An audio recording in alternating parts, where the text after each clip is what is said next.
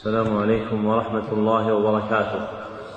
الحمد لله الذي جعل للعلم أصولا وسهل بها إليه وصولا وأشهد أن لا إله إلا الله وحده لا شريك له وأشهد أن محمدا عبده ورسوله صلى الله عليه وعلى آله وسلم ما بينت أصول العلوم وأبرز المنطوق منها والمفهوم أما بعد فهذا المجلس الثاني في شرح الكتاب الثامن من برنامج أصول العلم في سنته الأولى ثلاث وثلاثين بعد الأربعمائة والألف وأربع وثلاثين بعد الأربعمائة والألف وهو كتاب التوحيد الذي هو حق الله على العبيد لإمام الدعوة الإصلاحية في جزيرة العرب في القرن الثاني عشر الشيخ محمد بن عبد الوهاب ابن سليمان التميمي رحمه الله المتوفى سنة ست بعد المئتين والألف. وقد انتهى بنا البيان إلى قوله باب الدعاء إلى شهادة أن لا إله إلا الله نعم. الحمد لله رب العالمين والصلاة والسلام على أشرف الأنبياء والمرسلين نبينا محمد وعلى آله وصحبه أجمعين. أما بعد فقال الإمام محمد بن عبد الوهاب رحمنا الله وإياه باب الدعاء إلى شهادة أن لا إله إلا الله. وقول الله مقصود تعالى مقصود الترجمة بيان وجوب التوحيد المذكور في قوله شهادة أن لا إله إلا الله. أتي بالدال خبرا عن المدلول. فإن المدلول هو التوحيد. والدال عليه والدال عليه هو شهادة أن لا إله إلا الله. فتقدير الترجمة باب الدعاء إلى التوحيد ومقصوده منها الإبانة عن وجوب الدعوة إلى توحيد الله سبحانه وتعالى. نعم. وقول الله تعالى قل هذه سبيلي أدعو إلى الله على بصيرة أنا ومن اتبعني. الآية عن ابن عباس رضي الله عنهما أن رسول الله صلى الله عليه وسلم لما بعث معاذا إلى اليمن قال له إنك تأتي قوما من أهل الكتاب فليكن أول ما تدعوهم إليه شهادة أن لا إله إلا الله. وفي رواية ما يجي كذا. فليكن فليكن أول, أول أول أو أول لكن الشهادة إذا رفعت الأول تنصب الثاني. شهادة. نعم. شهادة أن لا إله إلا الله وفي رواية إلى أن يوحدوا الله فإنهم أطاعوا لذلك فأعلمهم أن الله افترض عليهم خمس صلوات في كل يوم وليلة فإنهم أطاعوا, لذا أطاعوك لذلك فأعلمهم أن الله افترض عليهم صدقة تؤخذ من أغنيائهم فترد على فقرائهم. فإنهم أطاعوا لك فإنهم أطاعوك لذلك فإياك وكرائم أموالهم واتق دعوة المظلوم فإنها فإنه ليس بينها وبين الله حجاب أخرجاه وله عن سالم بن سعد رضي الله عنه أن رسول الله صلى الله عليه وسلم قال يوم خيبر لأعطين الراية غدا رجلا يحب الله ورسوله ويحبه الله ورسوله يفتح الله على يديه فبات الناس يدوكون ليلتهم أيهم يعطاها فلما أصبحوا غدوا على رسول الله صلى الله عليه وسلم كلهم يرجو أن يعطاها. فقال أين علي, أين علي بن أبي طالب؟ فقيل له هو يشتكي عينيه. فأرسلوا إليه فأتي به فبصق في عينيه ودعا له. فبرأ كأن لم يكن به وجع. فأعطاه الراية فقال انفذ على رسلك حتى تنزل بساحتهم ثم ادعوهم إلى الإسلام وأخبرهم بما يجب عليهم من حق الله تعالى فيه. فوالله لأن يهدي الله بك رجلا واحدا خير لك من حمر النعم يدركون أي يخوضون. ذكر المصنف رحمه الله تعالى لتحقيق مقصود الترجمة ثلاثة أدلة فالدليل الأول قوله تعالى قل هذه سبيلي أدعو إلى الله الآية ودلالته على مقصود الترجمة من وجهين أحدهما في قوله قل هذه سبيلي. أي سبيل محمد صلى الله عليه وسلم التي هو عليها. وأسها توحيد الله سبحانه وتعالى. فإنه صلى الله عليه وسلم لم يزل يبدي فيه ويعيد ويجدد معالمه ويفيد حتى توفاه الله سبحانه وتعالى. فما دعا إليه صلى الله عليه وسلم مقدم في الدعوة على غيره والآخر في قوله أدعو إلى الله على بصيرة. والدعوة التي تكون على بصيرة مفتاحها الدعوة إلى توحيد الله فإنها دعوة الأنبياء والرسل.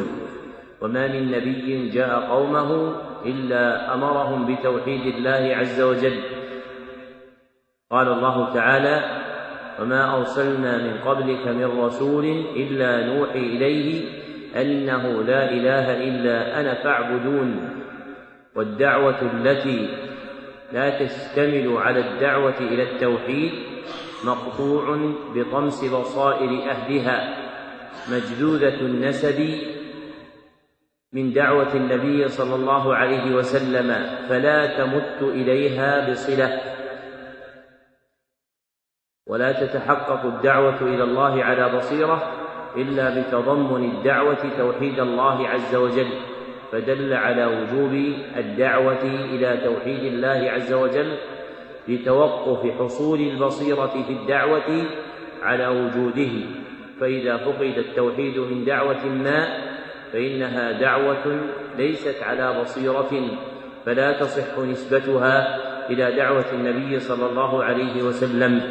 والدليل الثاني حديث ابن عباس رضي الله عنهما أن رسول الله صلى الله عليه وسلم لما بعث معاذا الحديث متفق عليه ودلالته على مقصود الترجمة في قوله فليكن أول ما تدعوهم إليه شهادة أن لا إله إلا الله وهو ظاهر المطابقة للترجمة للتصريح بالأمر بالدعوة إلى التوحيد في قوله فليكن بذكر الفعل المضارع المقترن بلام الأمر المفصح عن كون أول ما ينبغي أن يدعو إليه الداعي هو توحيد الله عز وجل.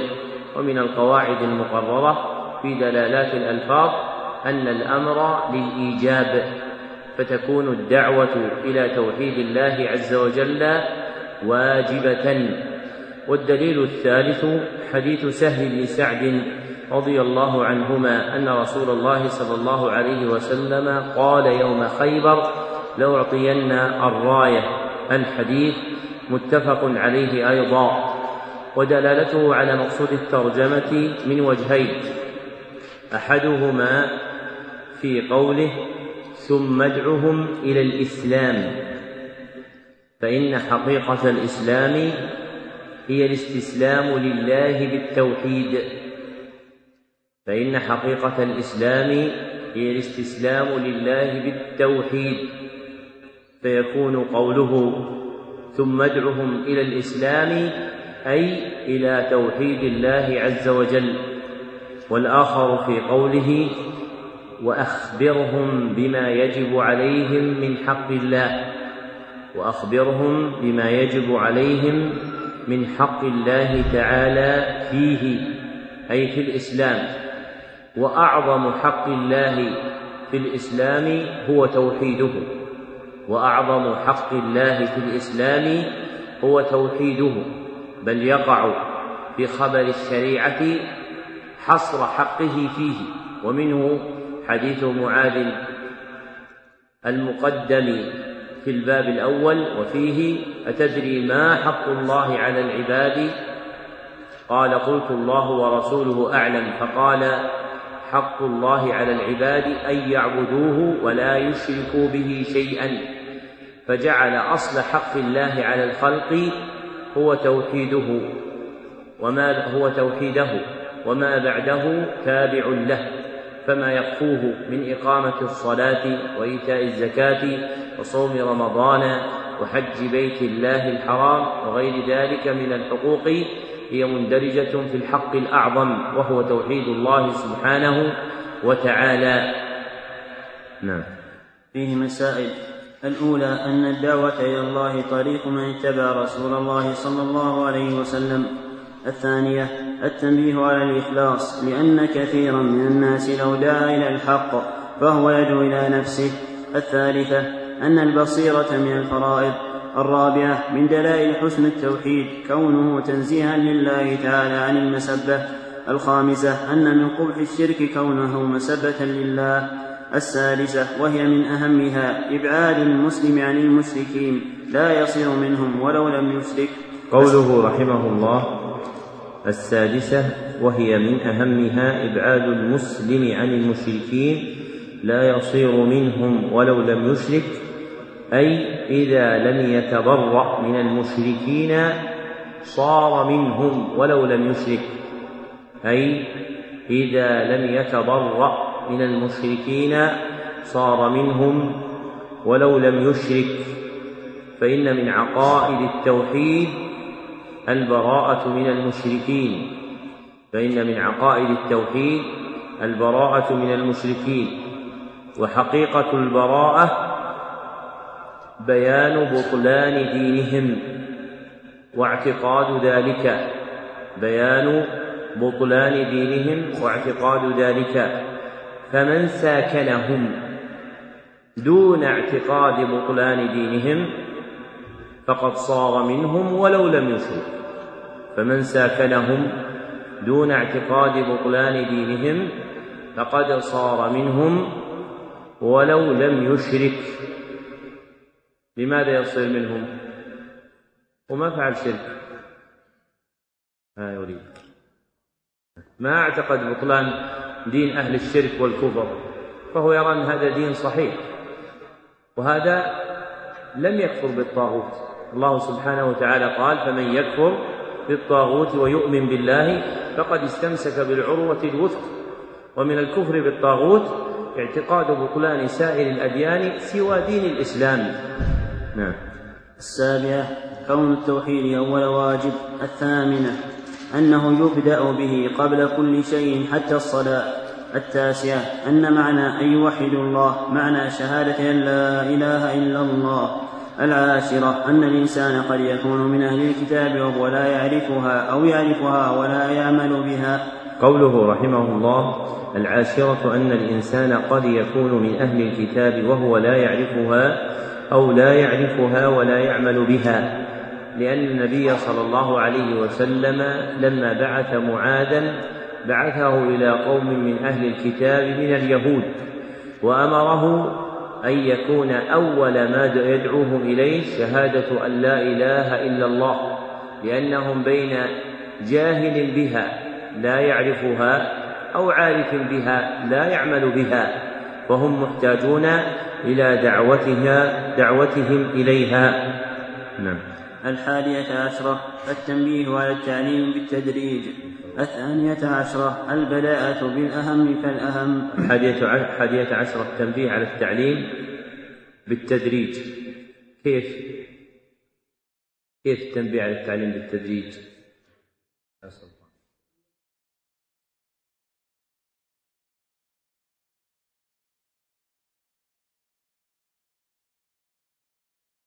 يعني ابتدأ بشيء الذي هو شهادة أن لا إله إلا الله. ثم قال فإنهم أطاعوك لذلك فأعلمهم أن الله افترض عليهم خمس صلوات.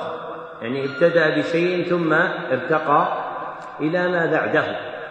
وكما يكون هذا في أصول الدين فإنه يكون في تلقيه سواء فيما يتعلق بالتآليف التي يتلقى منها فإن المتعلم يتدرج شيئا فشيئا فلا يبدأ بالأكبر فإنه يثقل على قلبه وإنما يبدأ بالأصغر الذي يحتمله قلبه مما يجمع أصول علم ما ثم يكون أخذه لذلك المتن على التدريج أيضا.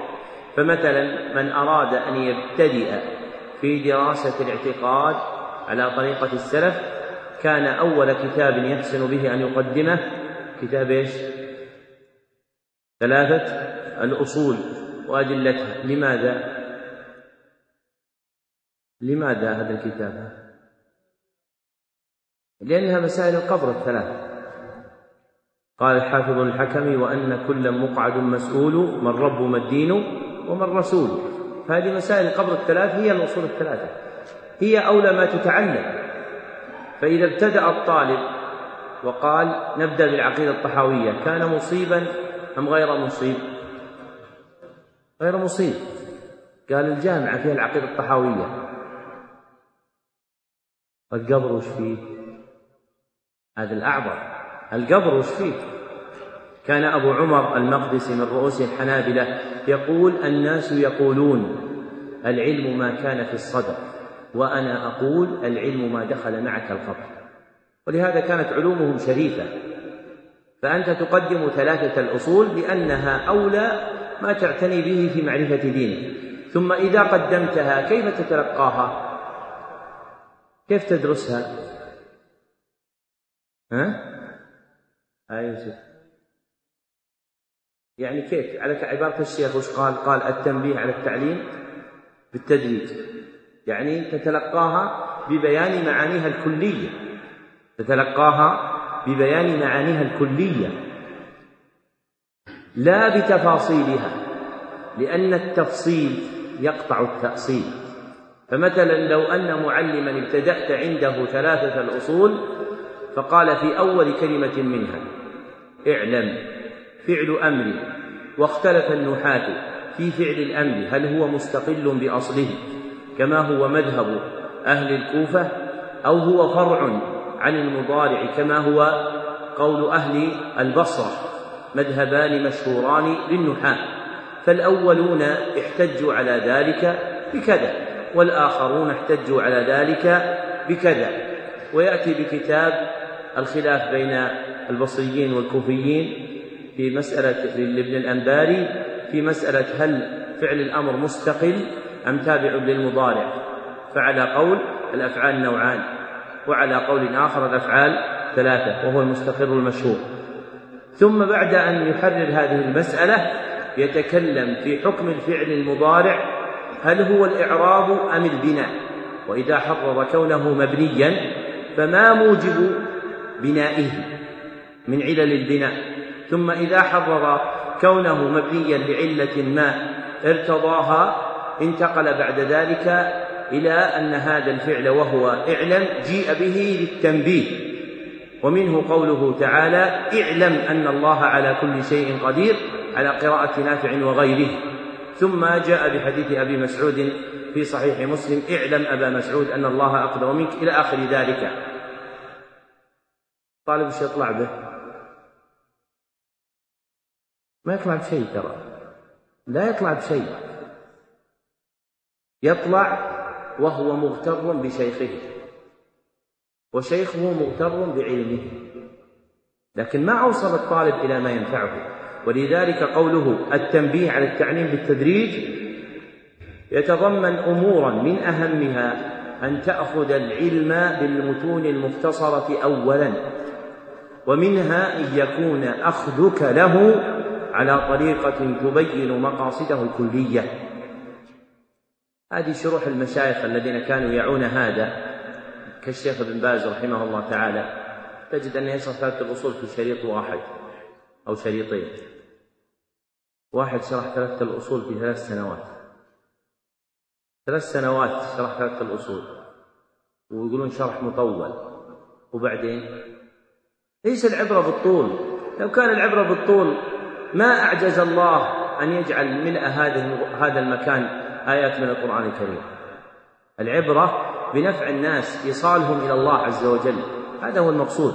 ولذلك كتاب التوحيد فيه أمور نافعة كثيرة. منها ما يتعلق بإصلاح حال العلم وأهله. ومنها هذه المسألة.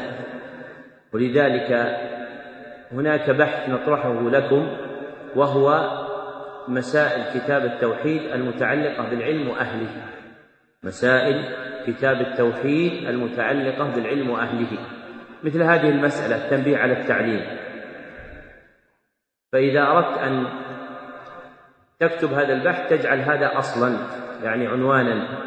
ثم تكتب هذه المسألة ذكرها المصنف في باب الدعاء إلى شهادة أن لا إله إلا الله.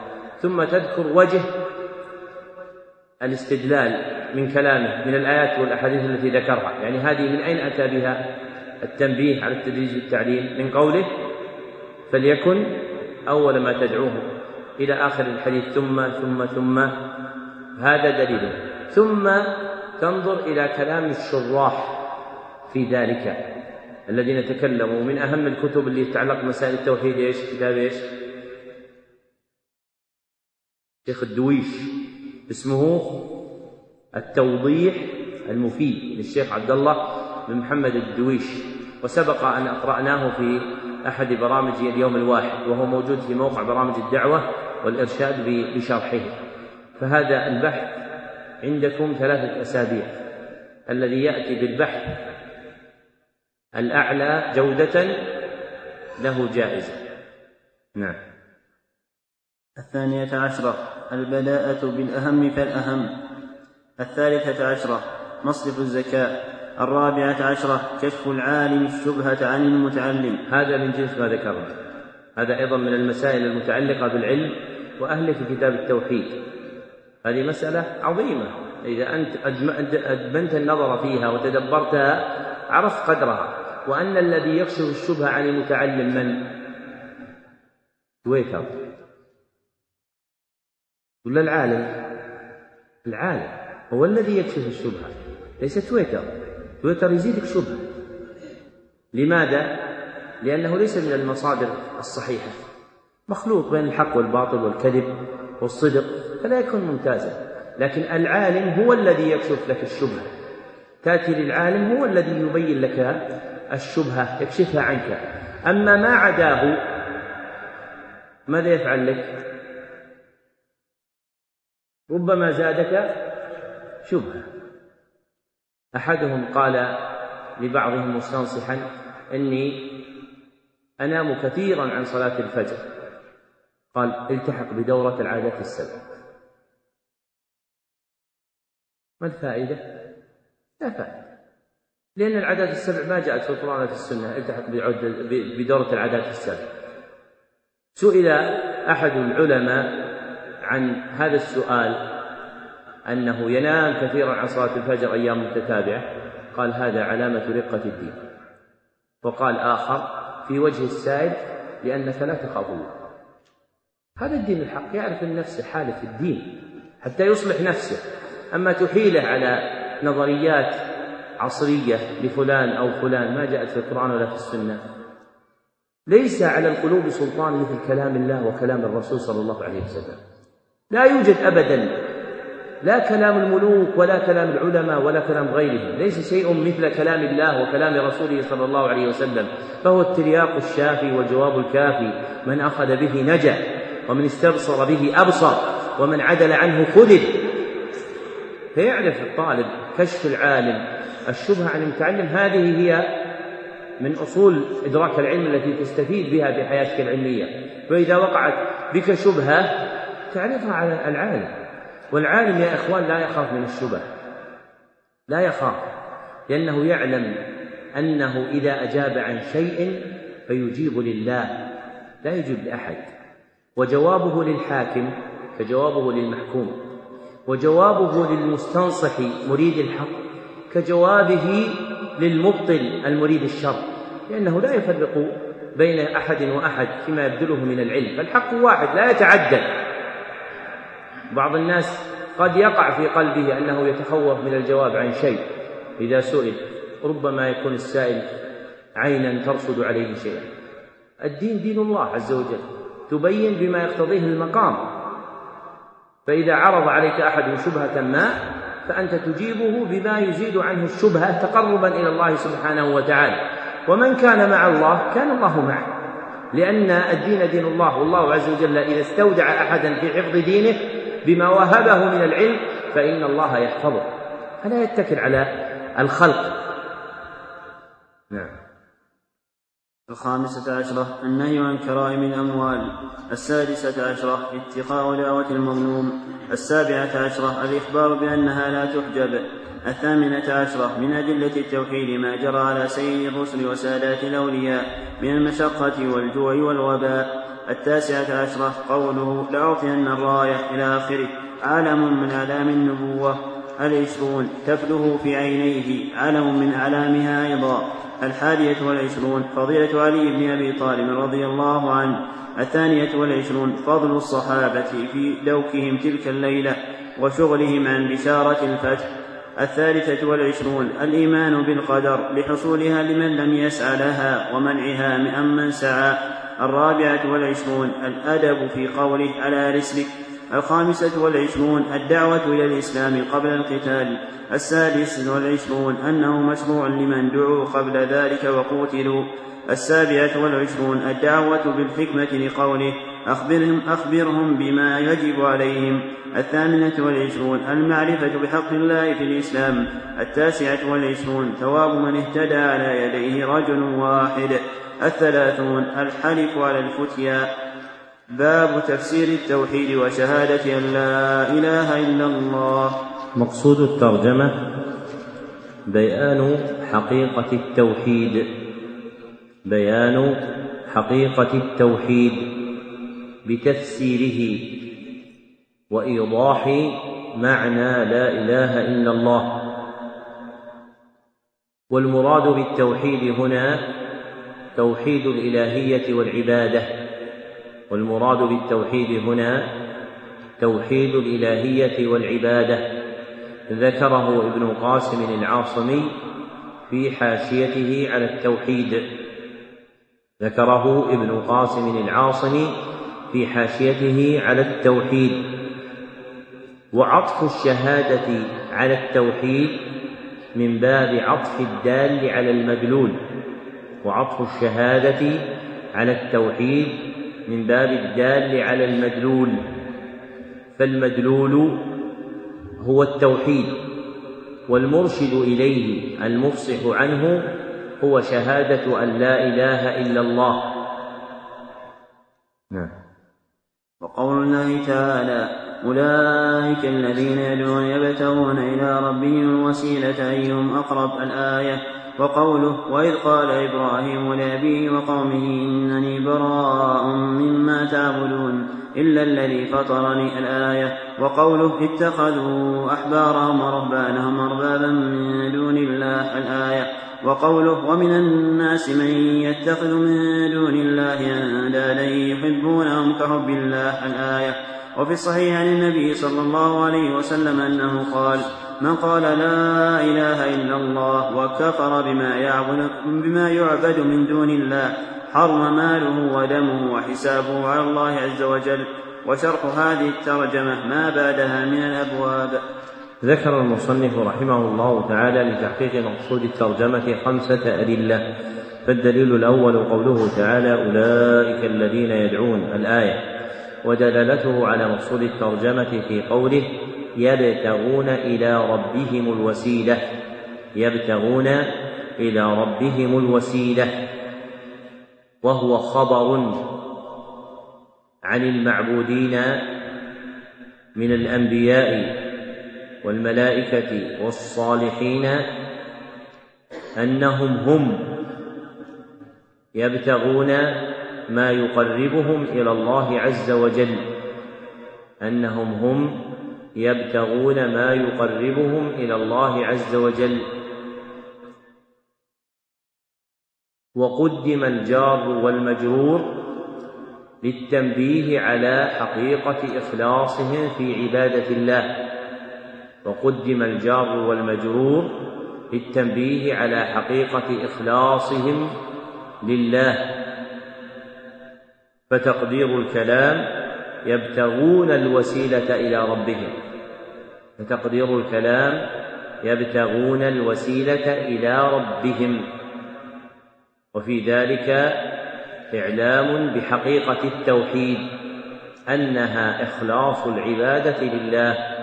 وفي ذلك إعلام بحقيقة التوحيد أنها إخلاص العبادة لله وحده.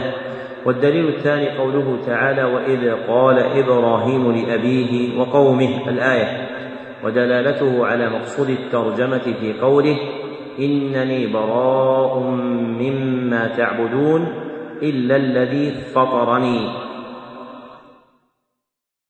فكلمة التوحيد لا إله إلا الله تنطوي على نفي وإثبات فالنفي في قوله لا إله والإثبات في قوله إلا الله وهما مذكوران في الآية وهما مذكوران في الآية فالنفي في قوله إنني براء مما تعبدون. والإثبات في قوله إلا الذي فطرني.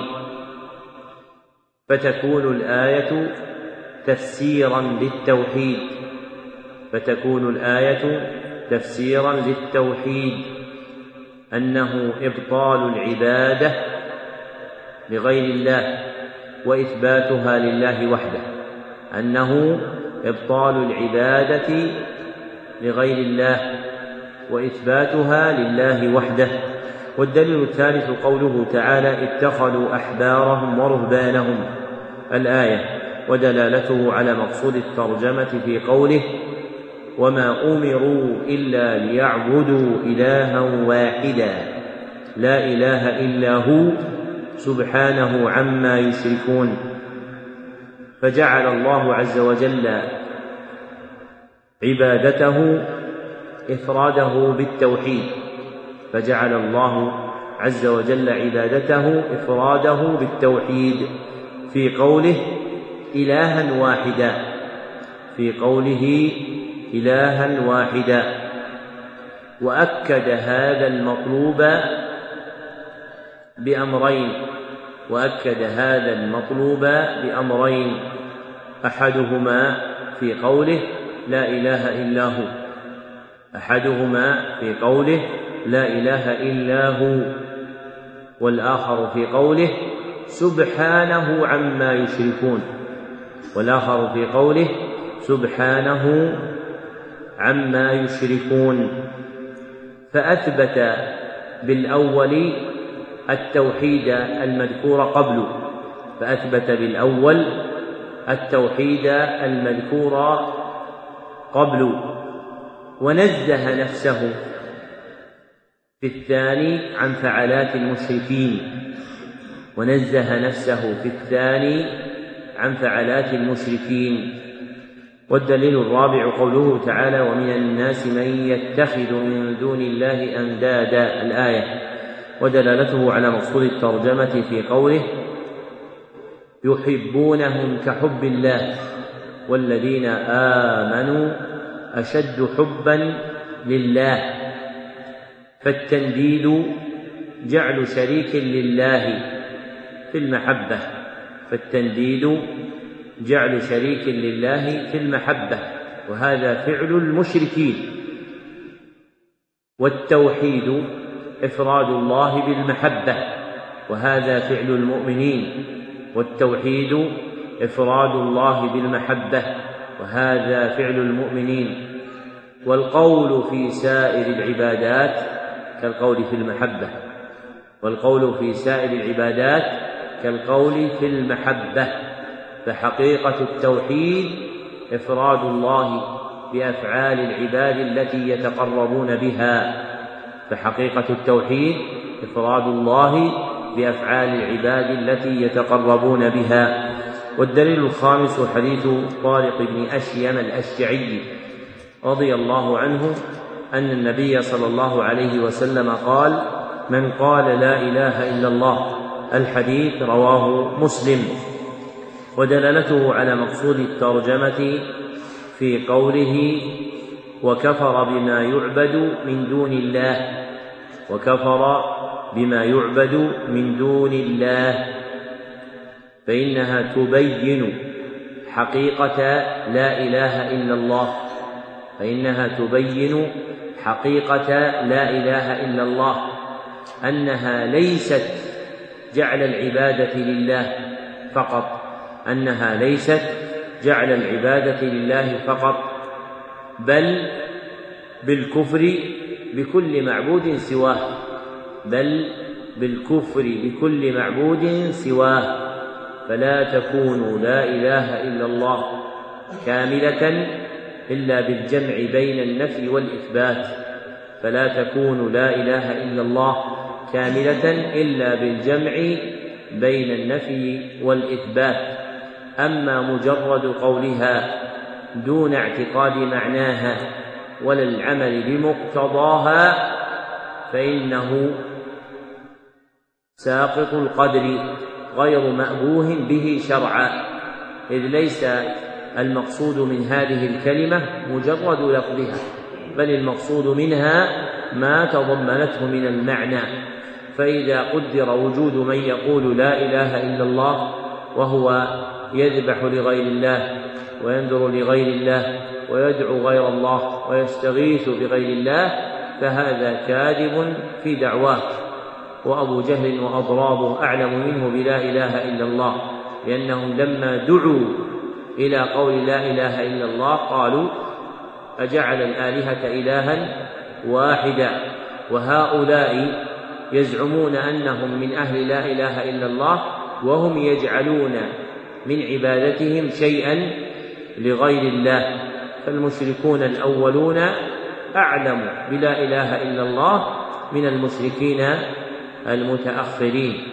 ذكره عبد اللطيف بن عبد الرحمن في تحفة الطالب والجليس وتلميذه سليمان بن سحمان في جواب له. نعم. فيه مسائل. الأولى وهي من أهمها وهو تفسير التوحيد وتفسير الشهادة وبينها بأمور واضحة. منها آية الإسراء بين فيها الرد على المشركين كرب اللاقط يا شيخ. كرب اللاقط منها آية الإسراء بين فيها الرد على المشركين الذين يدعون الصالحين فيها بيان أن هذا هو الشرك الأكبر. ومنها آية براءة بين فيها أن أهل الكتاب اتخذوا أحبارهم ورهبانهم أربابا من دون الله وبين أنهم لم يؤمروا إلا بأن يعبدوا إلها واحدا مع أن تفسيرها الذي لا إشكال فيه طاعة العلماء والعباد في المعصية لا دعاءهم إياهم. ومنها قول الخليل عليه السلام للكفار إنني براء مما تعبدون إلا الذي فطرني. الآية فاستثنى من المعبودين ربه وذكر سبحانه أن هذه البراءة وهذه الموالاة هي تفسير شهادة أن لا إله إلا الله. فقال وجعلها كلمة باقية في عقبه لعلهم يرجعون. ومنها آية البقرة في الكفار الذين قال الله فيهم وما هم بخارجين من النار. ذكر أنهم يحبون أندادهم كحب الله فدل على أنهم يحبون الله حبا عظيما ولم يدخلهم في الإسلام. فكيف بمن أحب الند حبا أكبر من حب الله؟ وكيف بمن لم يحب إلا الند وحده ولم يحب الله؟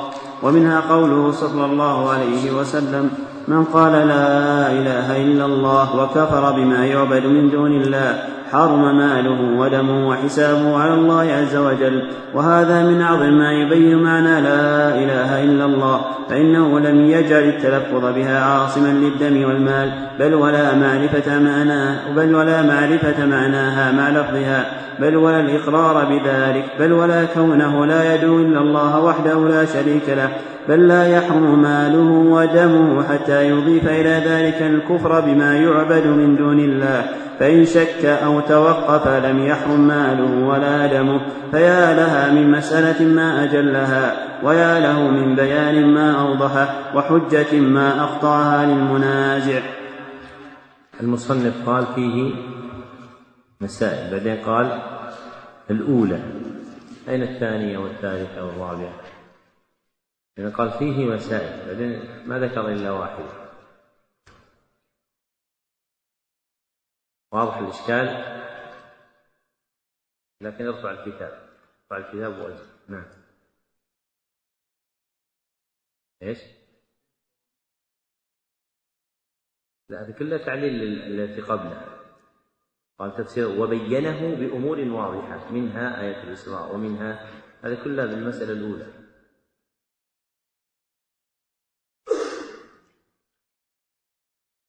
نعم.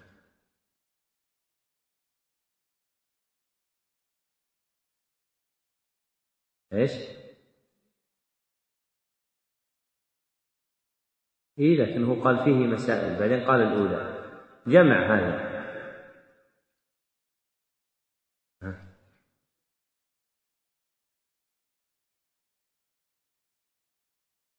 يعني جمع للتعظيم. طيب. أيوة. أحسن. ترك البقية تنبيها للمتلقي إلى استخراجها. فهو قال فيه مسائل وذكر مسألة واحدة. وبقية المسائل يرجع فيها إلى المتعلم استخراجها واستنباطها. وهذا من مسالك أهل العلم. بل كما ذكر ابن يعيش في المفصل أن أهل العلم ربما تركوا شيئا من العلم لم يبينوه ليبقى اختصاصه بأهله. يعني كيف يبقى اختصاصه بأهله؟ يعني اختصاصه بأهل العلم ما يفهم غيره. الآن لما صارت الآن يقولون العلم متوفر صار من يتكلم في العلم؟ كل أحد كل أحد. الحين يعني يقول ما عاد في حاجة للمشايخ دقة زر تعطيك اللي تبي. أبد من الأجهزة الآن وال والأقراص الحاسوبية. يقول يعطيك اللي تبي هؤلاء الذين ما عرفوا العلم ما عرفوا أن العلم عبادة قربة إلى الله عز وجل. والله عز وجل جعل له طريقا واحد لا يمكن أن يكون هناك غيره. ما هو هذا الطريق؟ ما هو طريق العلم؟ تلقي. طريق العلم تلقيه لا يمكن أن يكون غيره. هذا دين إلهي.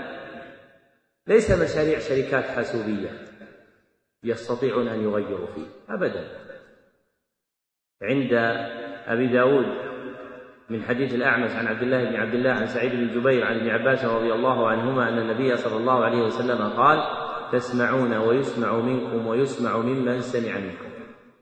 هذا أصل بنى عليه الشاطبي قاعدة كلية في كتاب الموافقات أن دين الإسلام موروث. يعني يؤخذ بهذه الطريقة. ما في غيرها أبدا ومن عدل عنها أخذ بغيرها لا يكون علمه صحيحا أبدا. أبدا لا يكون علمه صحيح. لماذا؟ لماذا لا يكون علمه صحيح؟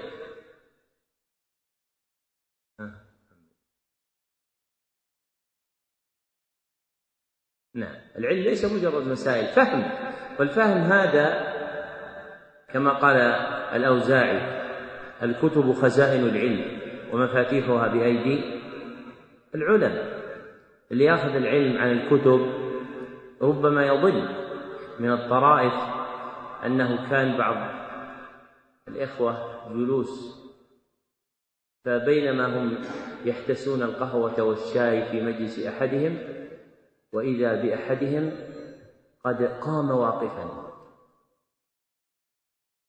فاستغربوا لماذا قمت واقفا؟ قال سنة. سنة؟ قال كيف سنة؟ الأخ اللي يكلم بالجوال لا يكلم أثناء الدرس. قال كيف قال كيف كيف سنة؟ قال لما في الصحيح أن النبي صلى الله عليه وسلم كان إذا سمع الصارخ نعم قام إذا سمع الصارخ قام. وهو سمع صبي صغير داخل البيت. فلما سمعه قام. الصارخ المقصود به إيش؟ الديك. يعني في آخر الليل وقت للقيام والاستيقاظ ينبه النائم. فهذا كيف وقع؟ لأنه الكتب العلم يجتمعون يقرؤون كتاب يقولون يطلبون العلم. قيل لأبي حنيفة قوم في المجلس يطلبون العلم. قال لهم رأس. قالوا لا. قال لا يفلحون. قال لا يفلحون. هؤلاء يتحلقون لكن ما لهم رأس؟ يرجعون إليه يبين لهم تلقى العلم عن أهله. ما بالك الذي لا رأس ولا رجلين؟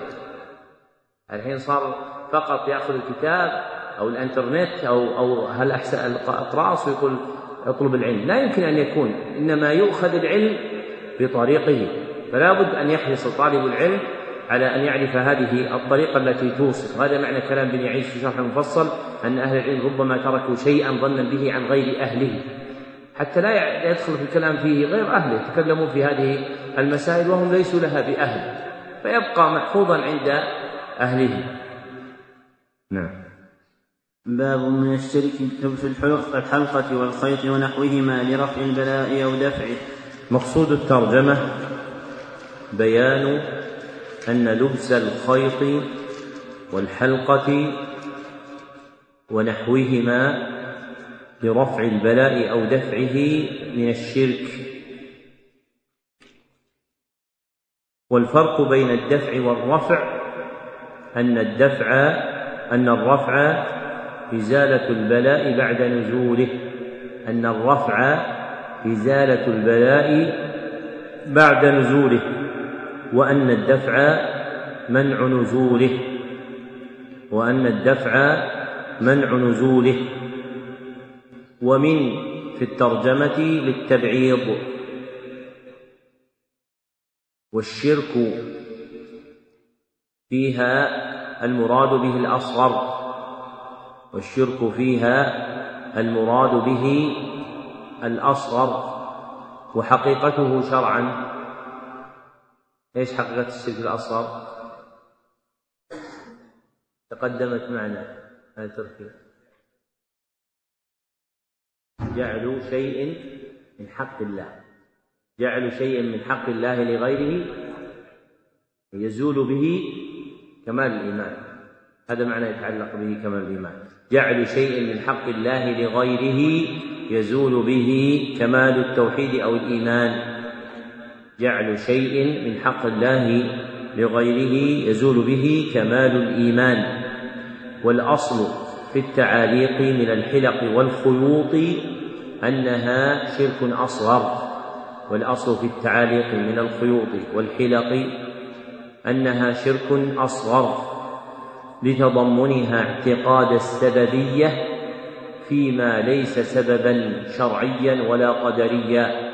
لتضمنها اعتقاد السببية فيما ليس سببا شرعيا ولا قدريا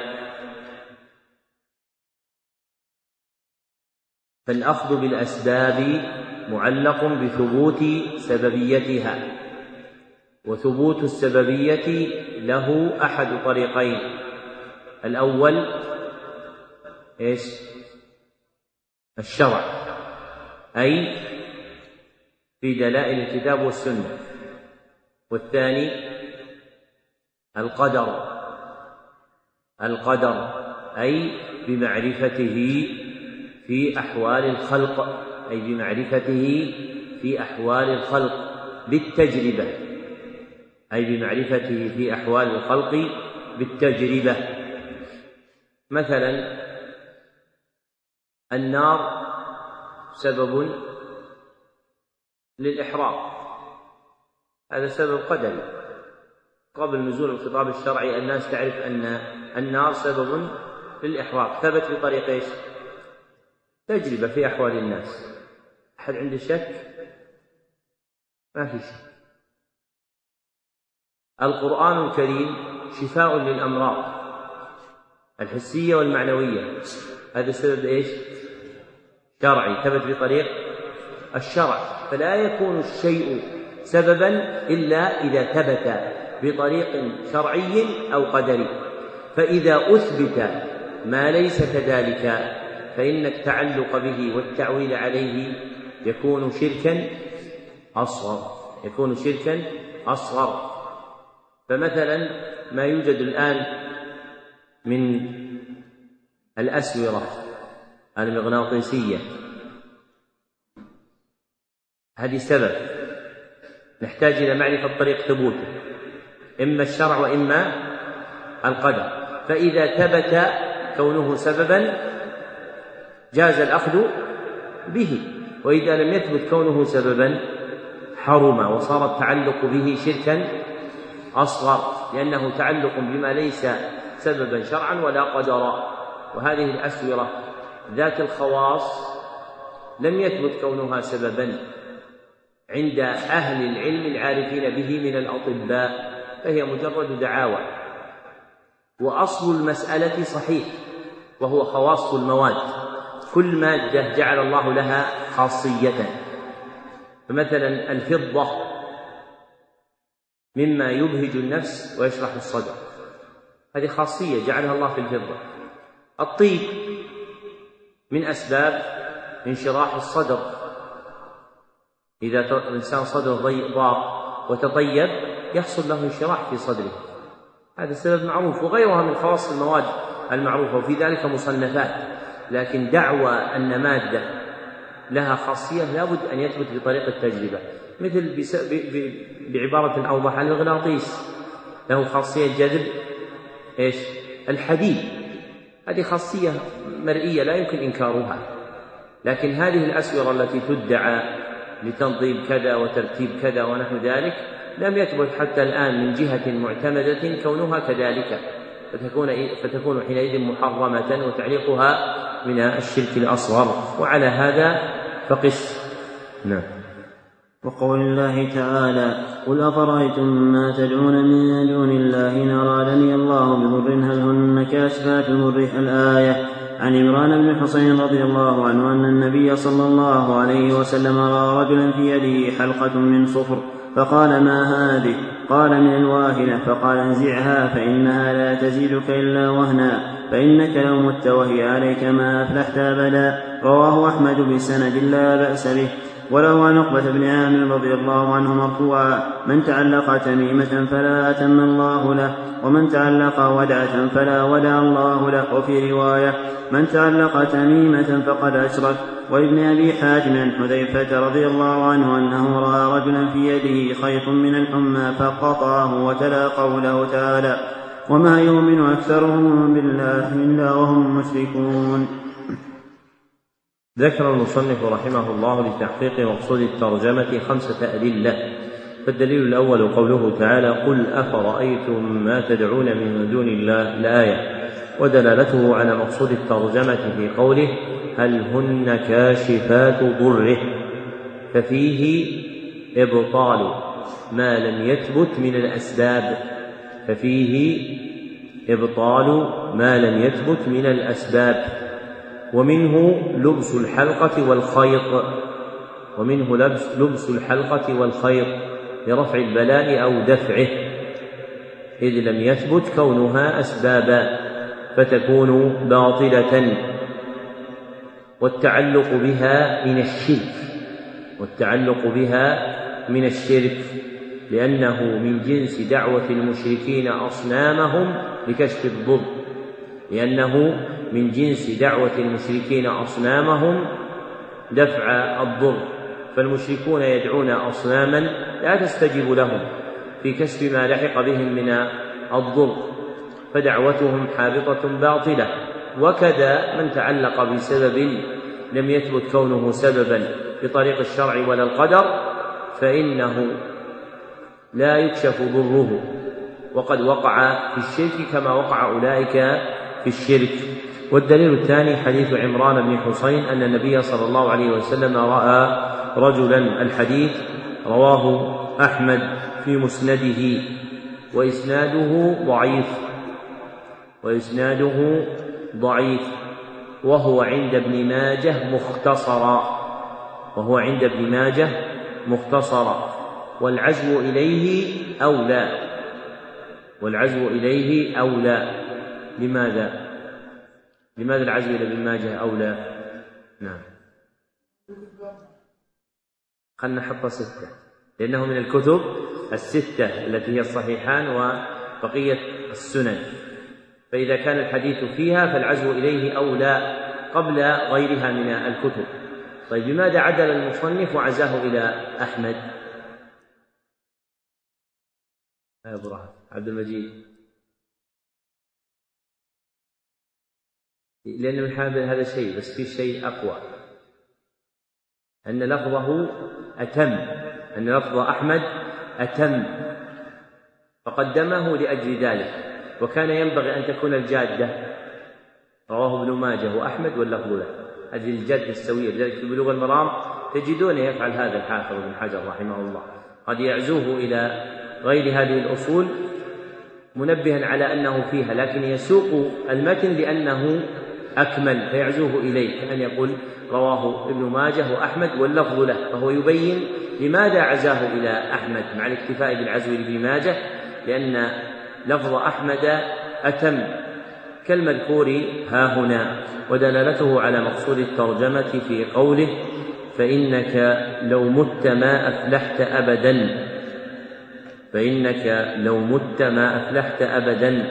لأن نفي الفلاح على وجه التأبيد لا يكون إلا بالشرك لأن نفي الفلاح على وجه التأبيد لا يكون إلا بالشرك. ونفيه عنه يحتمل شيئين ونفيه عنه يحتمل شيئين. أحدهما نفي الفلاح المطلق نفي الفلاح المطلق. أي الكامل.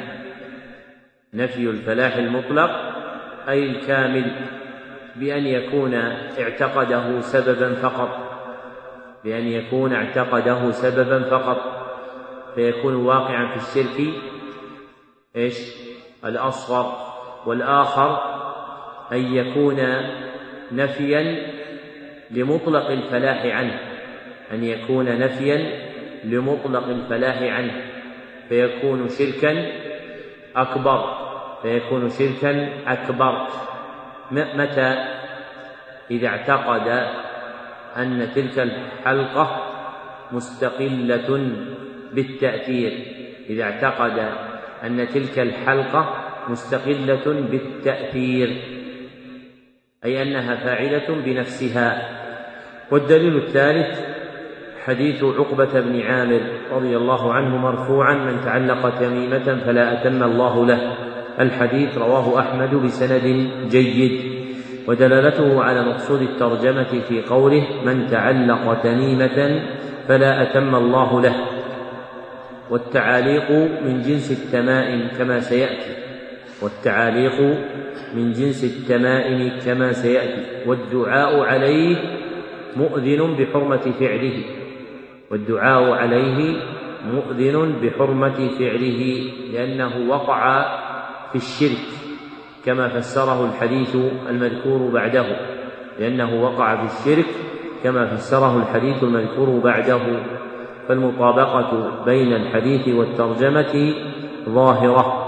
والدليل الرابع حديث عقبة رضي الله عنه أيضا مرفوعا من تعلق تميمة فقد أشرك رواه أحمد بسند حسن ودلالته على مقصود الترجمة في قوله فقد أشرك وهذا صريح فيما ترجم به المصنف فإنه قال باب من الشرك لبس الحلقة والخيط وفي الحديث المذكور قطع بكونها شركا وقول المصنف رحمه الله وفي رواية يوهم أن هذه الجملة المذكورة بعدها فرع عن الحديث السابق قبلها يوهم أن الجملة المذكورة بعدها فرع عن الحديث السابق قبلها وليس الأمر كذلك بل هما حديثان مستقلان بل هما حديثان مستقلان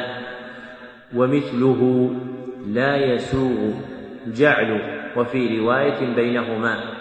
ومثله لا يسوغ جعل وفي رواية بينهما وإنما يسوغ ذكرها إذا كان ما بعدها جملة مما قبلها وإنما يسوغ ذكرها إذا كان ما بعدها فرع عما قبلها.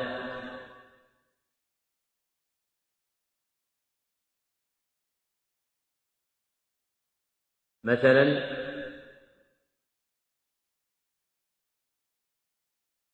قال البخاري ومسلم حدثنا عبد الله بن مسلمة بن قعنب قال أخبرنا مالك عن يحيى بن سعيد الأنصاري عن محمد بن إبراهيم عن علقمة بن وقاص عن عمر بن الخطاب رضي الله عنه أن النبي صلى الله عليه وسلم قال إنما الأعمال بالنية الحديث. وفي رواية عند البخاري في كتاب الحيل يا أيها الناس. هذه الرواية تصير جملة من الحديث السابق. تصير جملة من الحديث السابق. لكن إذا كان الذي بعدها حديثا مستقلا بذاته فهذا لا يفعل لا يقال وفي رواية. وضحت واضح عندكم؟ هذا من قواعد التخريج.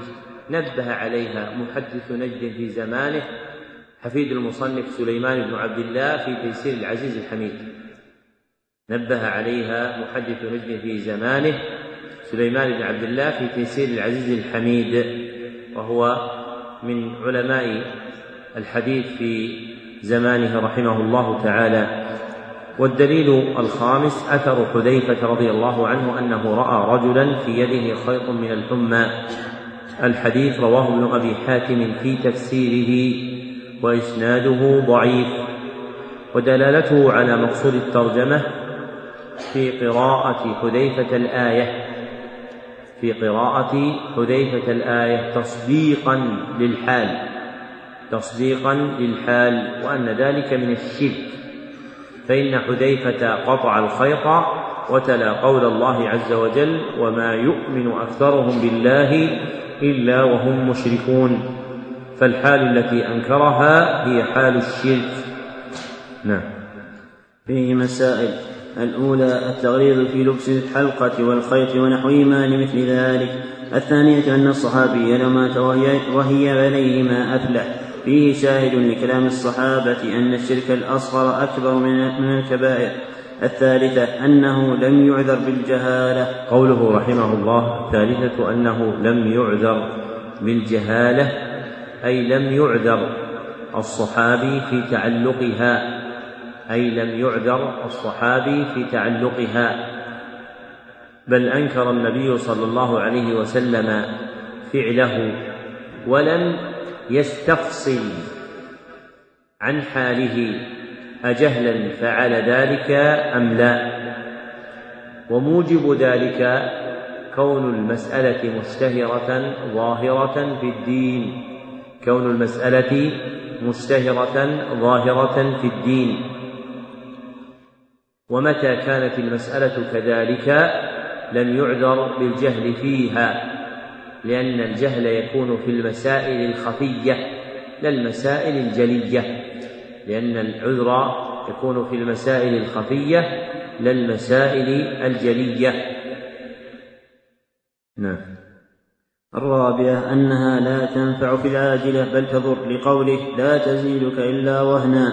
الخامسة الإنكار بالتغليظ قوله رحمه الله الرابعة أنها لا تنفع في العاجلة بل تضر لقوله لا تزيدك إلا وهنا أي لا يصل إلى العبد بسببها نفع في بدنه.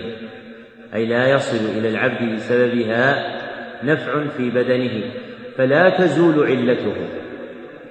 لماذا؟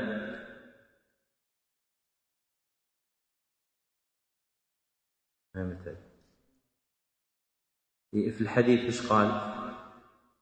لأنها إنها لا تزيدك إلا وهنا للخبر الصادق بأنها لا تزيد العبد إلا وهنا لأن التعلق بالخيالات والأوهام يضعف الأرواح والأفهام لأن التعلق بالخيالات والأفهام يضعف الأرواح والأفهام. فإذا تعلق القلب بشيء متوهم لا حقيقة له أنهك البدن بسببه. فالعاقل لا يعلق نفسه إلا بشيء صحيح التأثير مع اعتقاد سببيته فقط فلا يرفعه عنها. وهذا من أسرار الحقائق التوحيدية الإيمانية. أن روح العبد تقوى بالتوحيد وتضعف وتضعف بالشرك والتنديد. فإذا كان العبد موحدا قويت روحه فصح بدنه. وإذا كان وإذا كانت روحه ضعيفة متجارية مع الخيالات متسارعة معها فإن ذلك يضعف بدنه.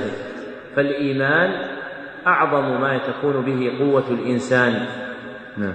الخامسة الإنكار بالتغليظ على من فعل مثل ذلك.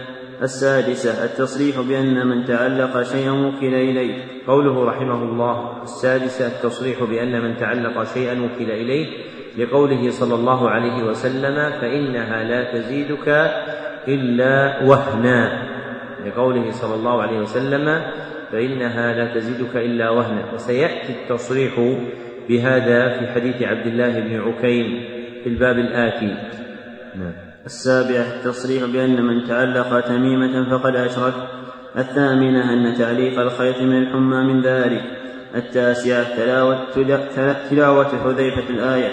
دليل على أن الصحابة رضي الله عنهم يستدلون بالآيات التي في الشرك الأكبر على الأصغر كما ذكر ابن عباس رضي الله عنهما في آية البقرة العاشرة. قوله رحمه الله التاسعة تلاوة حذيفة الآية. دليل على أن الصحابة يستدلون بالآيات التي في الشرك الأكبر على الأصغر كما ذكر ابن عباس في آية البقرة أي في قوله تعالى فلا تجعلوا لله أندادا وسيأتي كلام ابن عباس في ترجمة مستقبلة في هذا الكتاب. نعم. العاشرة أن تعليق الوادع عن العين من ذلك.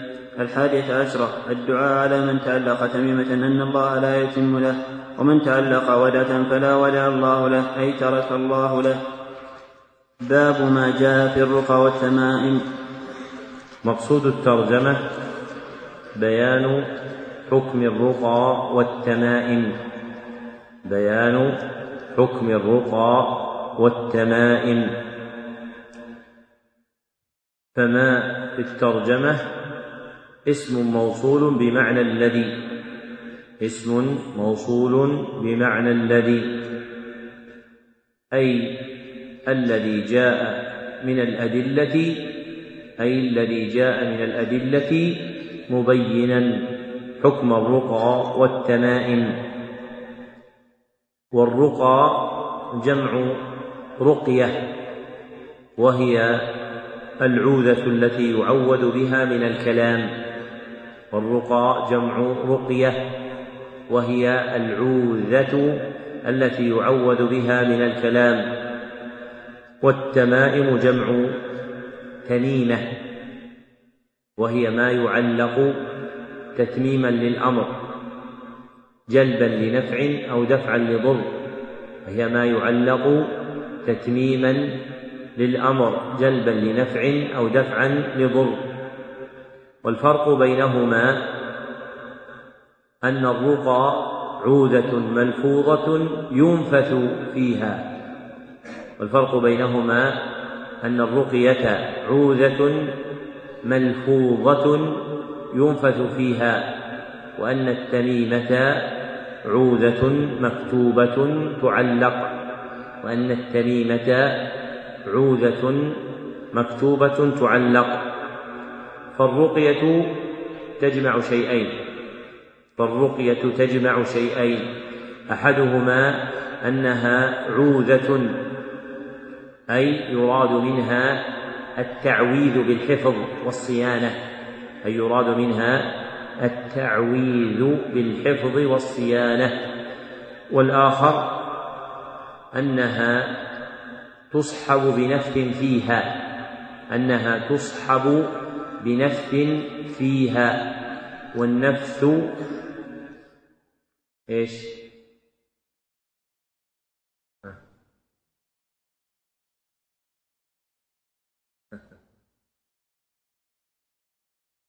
كيف البلالية؟ مصحوب إيش؟ نفس مصحوب بريق نفس مصحوب بريق فإن خلا منه سمي إن خلا من الريق سمي نفخا سمي نفخا. والتميمة تجمع شيئين والتميمة تجمع شيئين. أحدهما أنها عوذة يراد منها التعويل أي الحفظ والصيانة أنها عوذة يراد منها التعويل أي الحفظ والصيانة. والآخر أنها تكون مكتوبة. أنها تكون مكتوبة. ففيما يجتمع الرقية والتميمة وفيما يفترقان. نعم. يجتمعان في كونهما عودة يعني للحفظ والصيانة. ويفترقان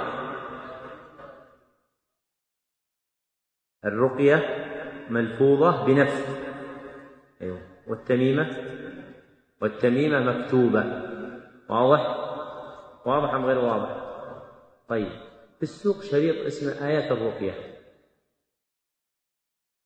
ما الحكم؟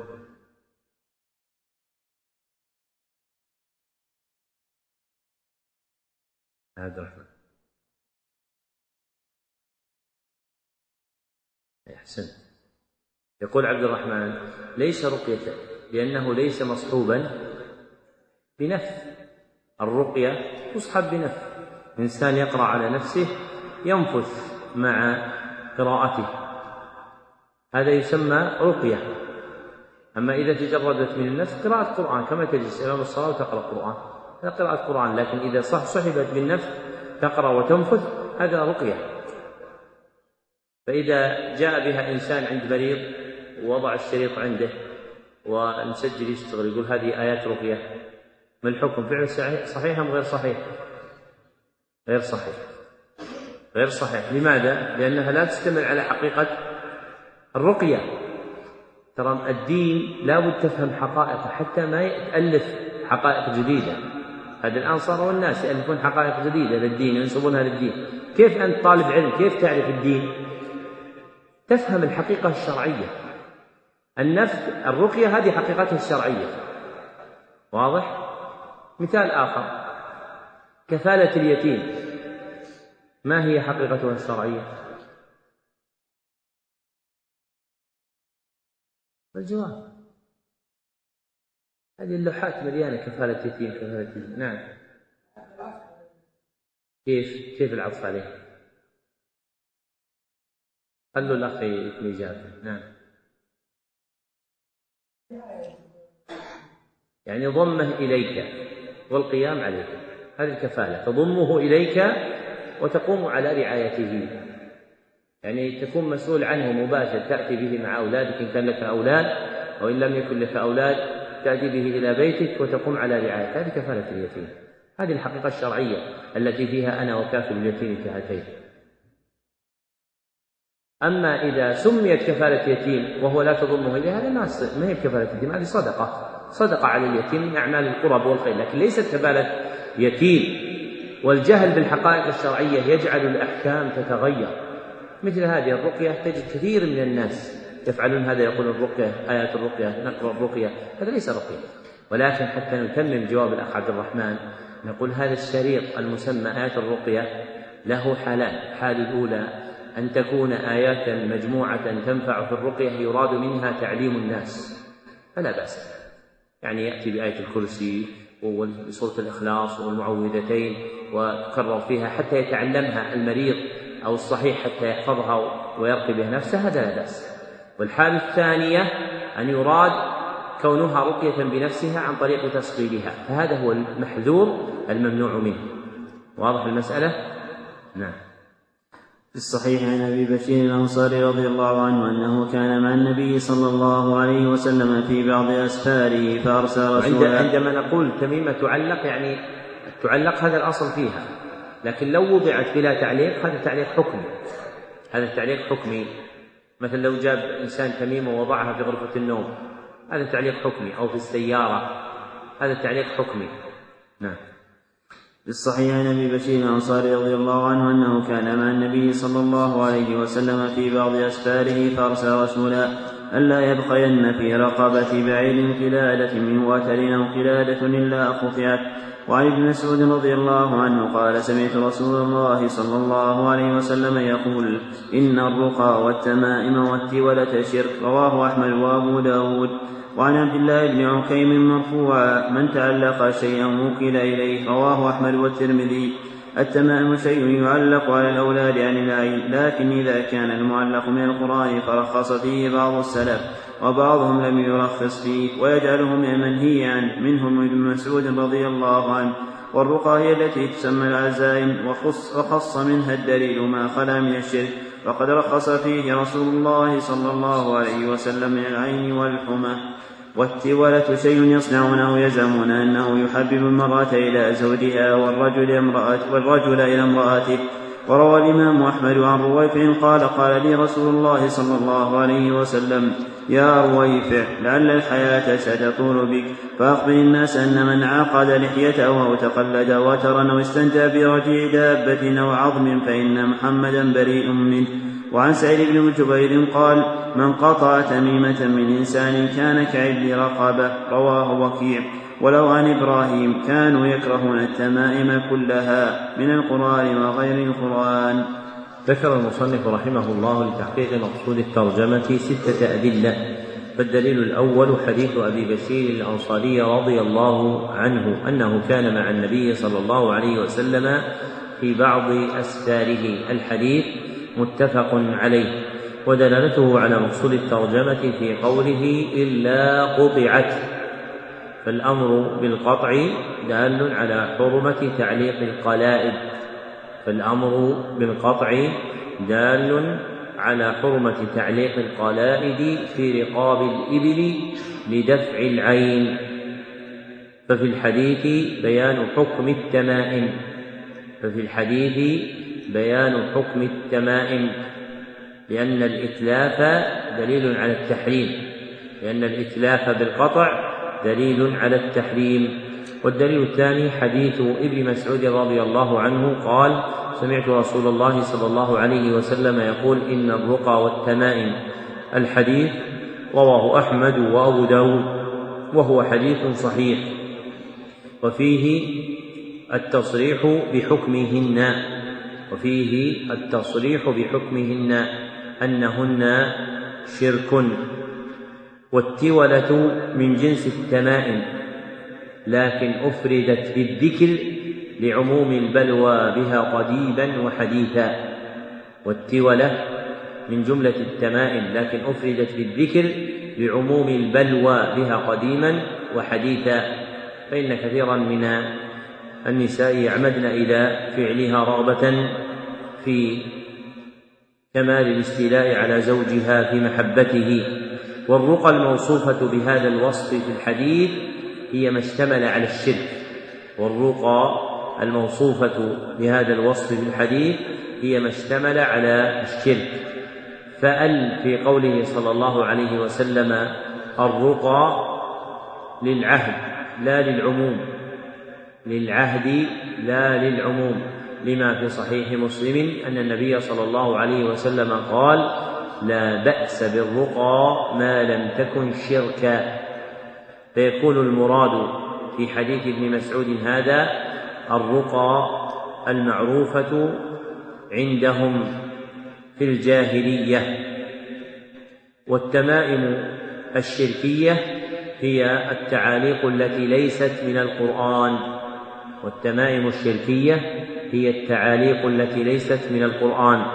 فتكون ال أيضا في قوله والتمائم للعهد لا للعموم فلا تشمل كل تميمة بل تختص بالتمائم الشركية المعروفة عند العرب. أما التعاليق القرآنية فإنها محرمة في أصح القولين. أما التعاليق القرآنية فإنها محرمة في أصح القولين.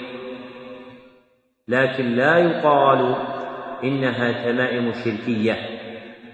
لماذا؟ لماذا لا يقال تمائم شركية؟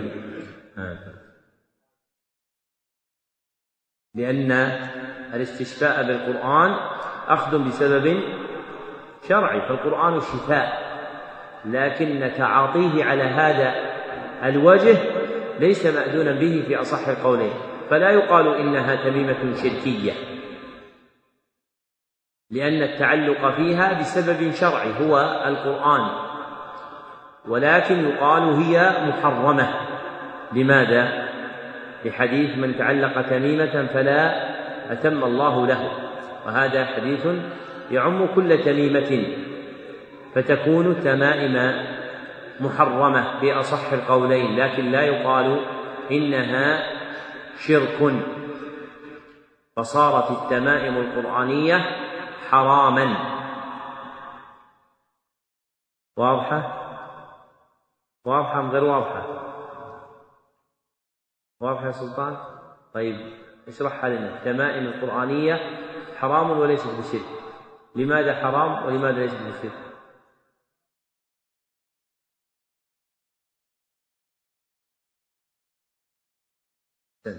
هذا ليس بشرك لأن القرآن سبب يستشفى به. فالتعلق متوجه إلى سبب مشروع لكن حرام لحديث من تعلق تميمة فلا أتم الله له. واضحة؟ واضحة المسألة؟ الشيخ ابن باز رحمه الله له إفادات ظنينة في التوحيد. ذكر صورة تكون فيها التمائم القرآنية شركا وهي إذا كان توجه قلب المعلق إلى التعليق لا إلى المعلق.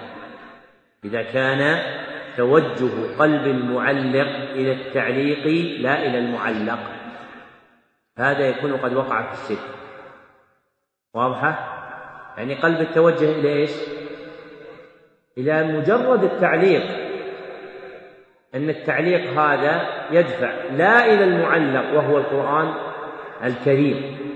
وهذا كلام حسن موافق للأدلة الشرعية لكن لا يقال حينئذ لا يقال حينئذ إن التعليق القرآنية تكون شركا. لكن فعل بعض أصحابها يكون حالا من أحوال أهل الشرك وذلك إذا توجه قلبه إلى التعليق دون المعلق وهو القرآن الكريم. وبما تقدم تعلم أن الرقى تنقسم إلى قسمين. وبما تقدم تعلم أن الرقى تنقسم إلى قسمين. الأول الرقى الشرعية وهي الرقى السالمة من الشرك. الرقى الشرعية وهي الرقى السالمة من الشرك. والآخر الرقى الشركية وهي الرقى المشتملة على الشرك. وهي الرقى المشتملة على الشرك. وتعلم أن التمائم تنقسم أيضا إلى قسمين وتعلم أيضا أن التمائم تنقسم إلى قسمين. أحدهما التمائم الشركية وهي المشتملة على الشرك وهي المشتملة على الشرك. والآخر التمائم ما في شرعية ما في تمائم شرعية. التمائم المحرمة التمائم المحرمة وهي التعاليق التي لا تشتمل على الشرك وهي التعاليق التي لا تشتمل على الشرك ومنها التعاليق القرآنية ومنها التعاليق القرآنية. والدليل الثالث حديث عبد الله بن عكيم رضي الله عنه أن النبي صلى الله عليه وسلم قال من تعلق شيئا الحديث رواه أحمد والترمذي وهو حديث حسن. ودلالته على مقصود الترجمة في قوله وكل إليه فإن من وكل إلى غير الله هلك فإن من وكل إلى غير الله هلك وهذا دال على التحريم لأن كل ما يؤدي إلى الهلاك فهو محرم لأن كل ما يؤدي إلى الهلاك فهو محرم. لماذا قلنا من حديث من وكل من تعلق شيئا وكل إليه هذا يؤدي إلى الهلاك. ليه يؤدي إلى الهلاك؟ لماذا؟ نعم. ومن تعلق شيئا يتعلق شيء وكل إليه. فإذا وكل إليه كيف يهلك؟ لأنه تعلق بما ليس سببا وهو وقع في شرك والشرك يضعف روح العبد. الشرك يضعف روح العبد فيكون خائر القوى. بخلاف التوحيد التوحيد يقوي روح العبد وإذا قويت الروح قويت الطبيعة فصح البدن. وإذا وكل الإنسان إلى ما سوى الله عز وجل فإنه إيش؟ يخذل ولذلك النبي صلى الله عليه وسلم قال ولا تكلني إلى نفسي طرفة عين ولا أقل من ذلك لا أصل له. هذه ولا أقل من ذلك لا أصل لها إنما هي طرفة عين هكذا فقط الحديث. فمعناه أن الإنسان لا ينبغي له أن يتكل إلى شيء ولا إلى نفسه. قال بعض السلف أعدى عدوك نفسك التي بين جنبيك. يعني أشد أعدائك نفسك التي بين جنبيك. واضح؟ ولذلك قولهم تجب الثقة بالنفس. ما حكمه؟ ها؟ لا يجوز. لماذا؟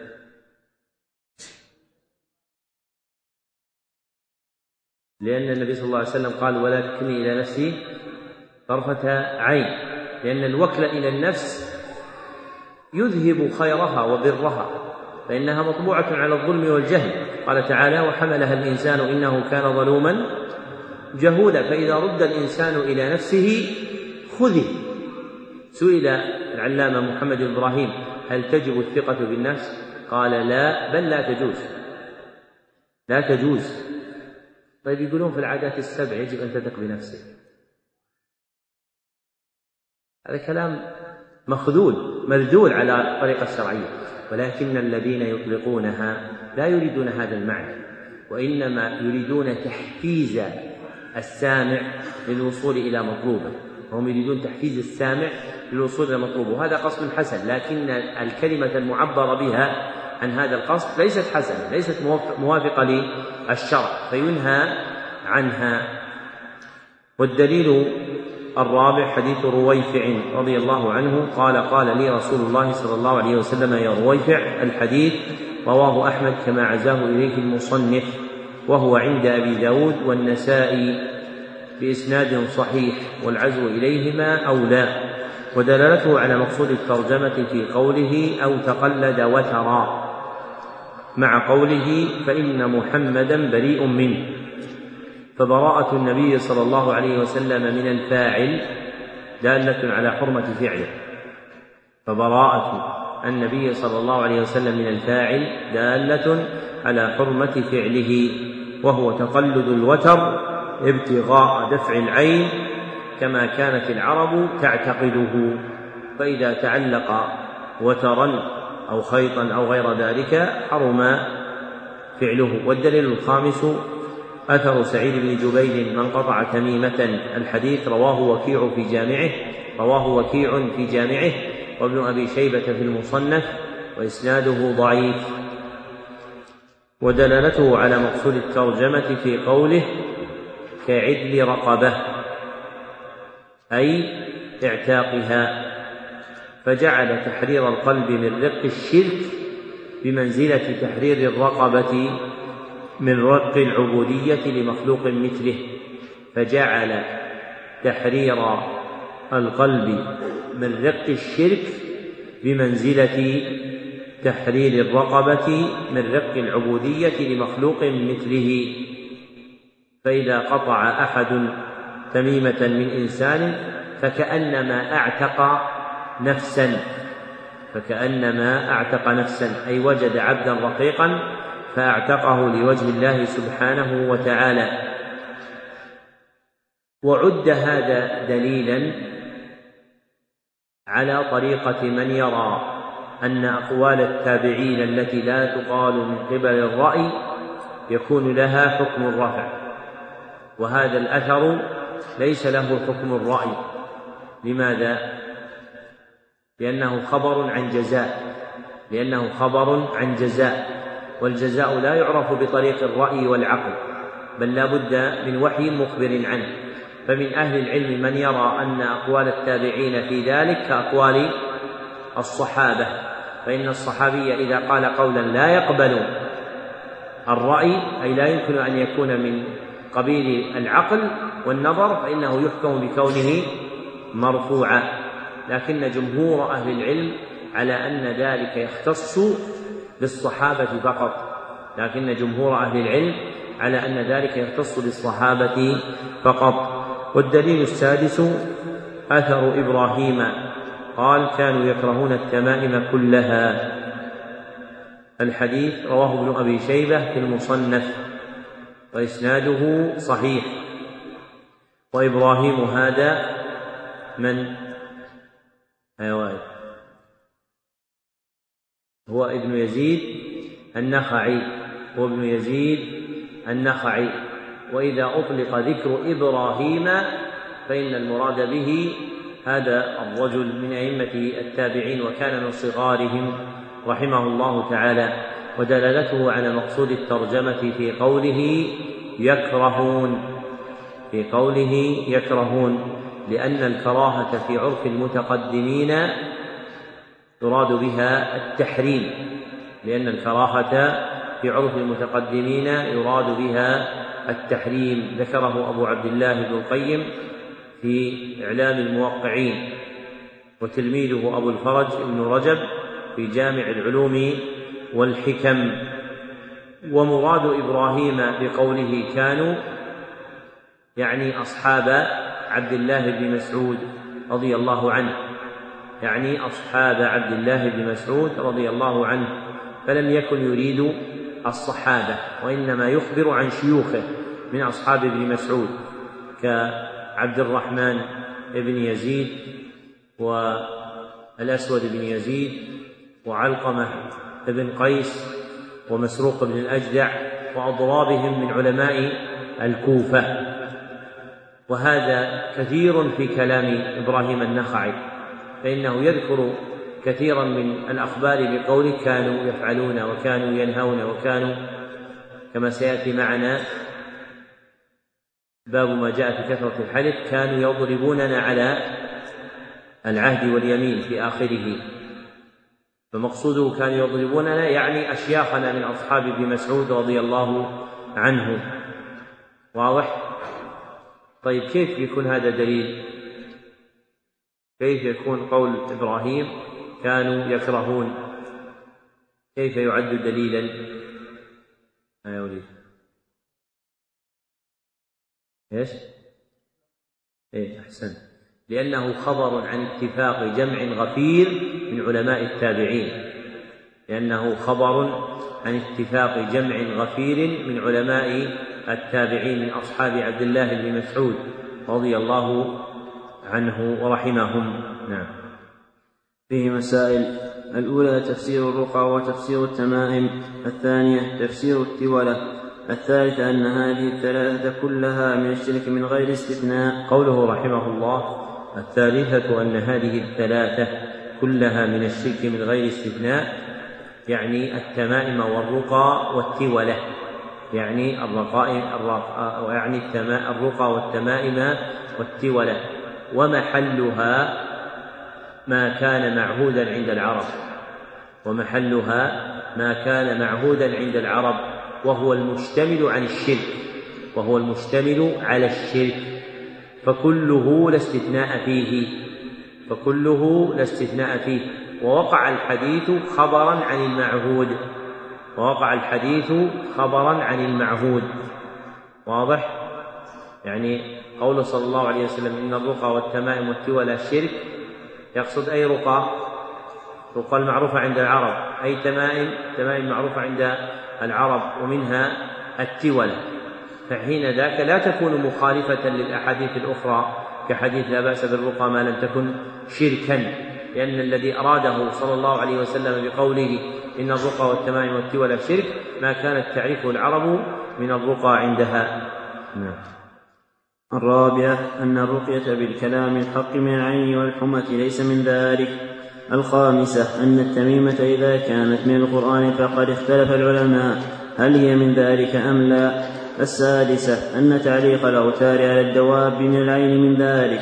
السابعة الوعيد الشديد في من تعلق وترى. الثامنة فضل ثواب من قطع تميمة من إنسان. التاسعة أن كلام إبراهيم لا يخالف ما تقدم من الاختلاف لأن مراده أصحاب عبد الله بن مسعود. باب من تبرك بشجرة أو حجر ونحوهما. مقصود الترجمة بيان أن التبرك بالأشجار أو الأحجار ونحوها من الشرك.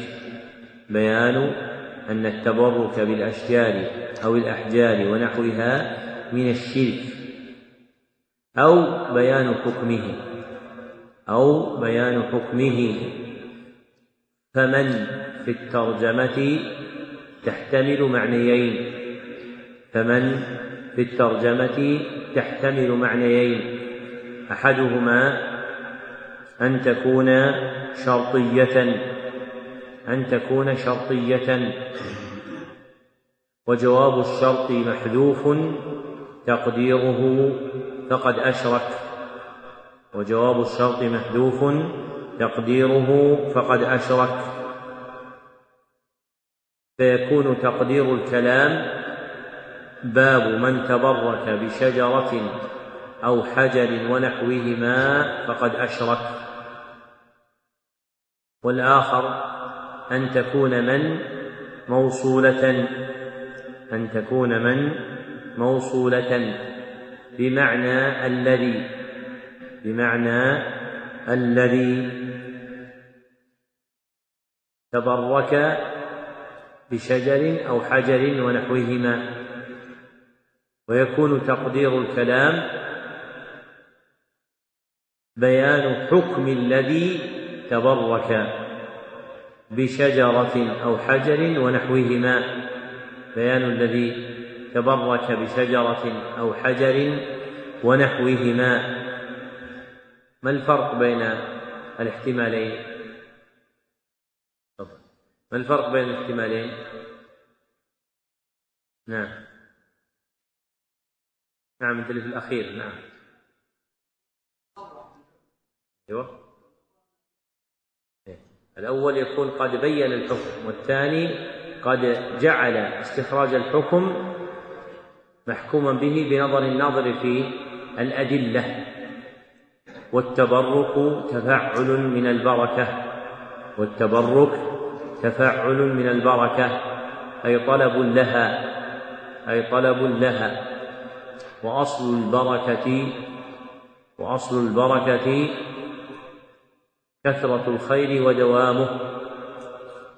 كثرة الخير ودوامه. والتبرك يكون شركا في حالين. والتبرك يكون شركا في حالين. الأولى إذا اعتقد استقلال المتبرك به في التأثير. إذا اعتقد استقلال المتبرك به بالتأثير وهذا شرك أكبر. والأخرى إذا لم يعتقده مؤثرا مستقلا. إذا لم يعتقده مؤثرا مستقلا. لكن تبرك بما ليس سببا للبركة. لكن تبرك بما ليس سببا للبركة. أو رفع السبب المأذون به في التبرك فوق قدره أو رفع السبب المأذون فيه بالتبرك فوق قدره. وهذا شرك أصغر وهذا شرك أصغر. كيف الصورة الأولى؟ الحال الأولى. من يشرحها عندكم الكلام؟ هذا طارق.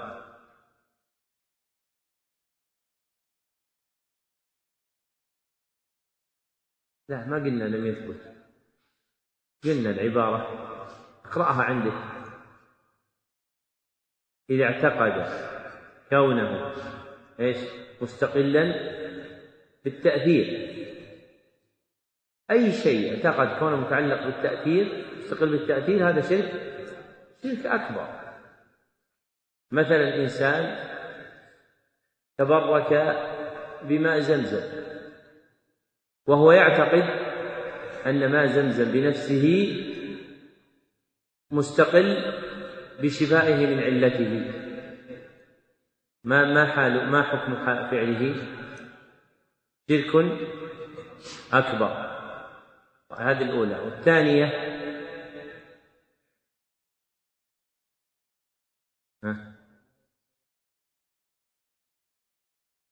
ما ليس سبب أنه سبب. مثل إيش؟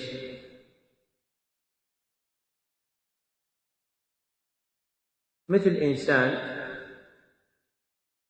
يعتقد سبب للبركة أنه إذا أراد أن يدخل إلى عمله فتح المصحف ونظر فيه ثم أقفله. كل مرة يريد ينزل السيارة يأخذ المصحف ثم يفتحه ثم يغلقه هذا تبرك بسبب ليس سببا للبركة. فتح المصحف على هذا الوجه ليس من طريقة التبرك بالقرآن الكريم. أو رفع السبب فوق المأذون به شرعا. ما هو القدر المأذون في الأسباب؟ هذه مسألة مهمة جدا. أحسن. الاطمئنان إليه والاستبشار به. ما الدليل؟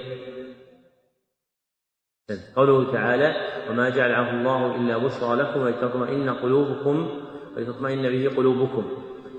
فالسبب ينظر إليه استبشارا به واطمئنانا دون زيادة عن هذا القدر. فإذا قوي التعلق به ارتفع فوق ما أذن الله عز وجل به فيكون العبد واقعا في الشرك الأصغر. لأن الأسباب لها مقادير تنتهي إليها لا يجاوزها العبد فإذا جعل الإنسان بهذا السبب فوق ما هو له فيكون قد وقع في الشرك الأصغر واضح؟ بقي أن تعلم أن طريق ثبوت البركة لشيء يرجع فيه إلى شرع كيف؟ لابد دليل من القرآن أو السنة لابد دليل من القرآن والسنة أن هذا ثابت له البركة. مثل القرآن ثابت له البركة ماء زمزم ثابت له إيش؟ ثابت له البركة بطريق الأدلة الشرعية إما من القرآن أو من السنة أو غير ذلك. فلا بد أن تعرف أن ما يتبرك به لا تثبت له البركة إلا بطريق شرعي. والأمر الآخر لا بد أن يكون التبرك به على وجه مأذون به شرعا. لا بد أن يكون التبرك به على وجه مأذون به شرعا. مثلا ماء زمزم يتبرك بإيش؟ بشربه يتبرك بشرب ماء زمزم. طيب لو أخذ واحد راح لمكة عندهم يبنون بيت وأخذ له عدة قنينات من القنينات الكبيرة في من ماء زمزم وجاء بها للبيت. فلما أرادوا أن يصبوا الدور الأول حطوا في السمنت هذا خلطوه موية زمزم والدور الثاني مثله والسطح مثله. هل يجوز أم لا يجوز؟ لماذا؟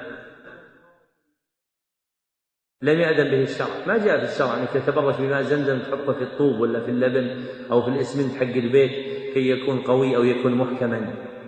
وهذا هذه الأبواب لا تميزها إلا إذا عرفت حدود المشروع الذي لا يعرف حدود المشروع المأذون به يبقى كل شيء عنده لا نهاية له ممكن يقول لك واحد يا أخي إيش فيها؟ ما زمزم بركة والانسان الإنسان يتبرك به يضع في في في, في الإسمنت حتى تكون في بركة في البيت، هذا كلام عقلي.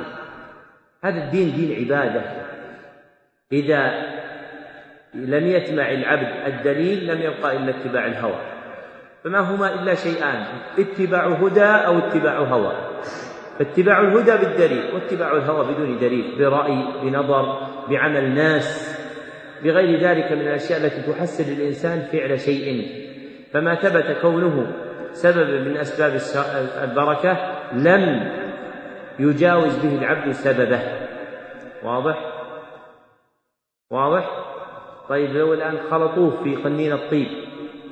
يضعون الآن طيب للرش يضعون فيه يعني قطرات من ماء زمزم. ويقال هذا يطيب به أرجاء البيت للبركة هذا تبرك به على وجه غير مأذون به شرعا. وإذا عرفت حدود الأشياء التي تنتهي إليها فهمت قول الله عز وجل تلك حدود الله فلا تعتدوها يعني لا تجاوز المأذون به. فينفر الإنسان من غير المأذون به. واضح؟ هذه قاعدة ترى في الدين كله. اعرف حد الشرع وحقيقته تنكر غيره. فإن جهلتها لا تنكرها هذا السبب. يعني الآن ترى أشياء مخالفة للشرع. تجد طلاب علم ما ينكرونها يقول يا أخي ما فيها شيء الأمر واسع لا تضيق على الناس. هو مو بدين أبوي وجدي هذا دين الله عز وجل. فدين الله له حدود ينتهي إليها. لو واحد مثلا جاب لوحة حطها في التوعية أخي الشاب طريق الجنة. طاعة الله الصلاة بر الوالدين إلى آخره. كلام جميل. لكن حط هذا الطريق إلى الجنة حط أشجار وحط أنهار وحط طيور. ما الحكم؟ ما يجوز. لأن الجنة التي حلقت بها الأحكام الشرعية هذه أم غيب؟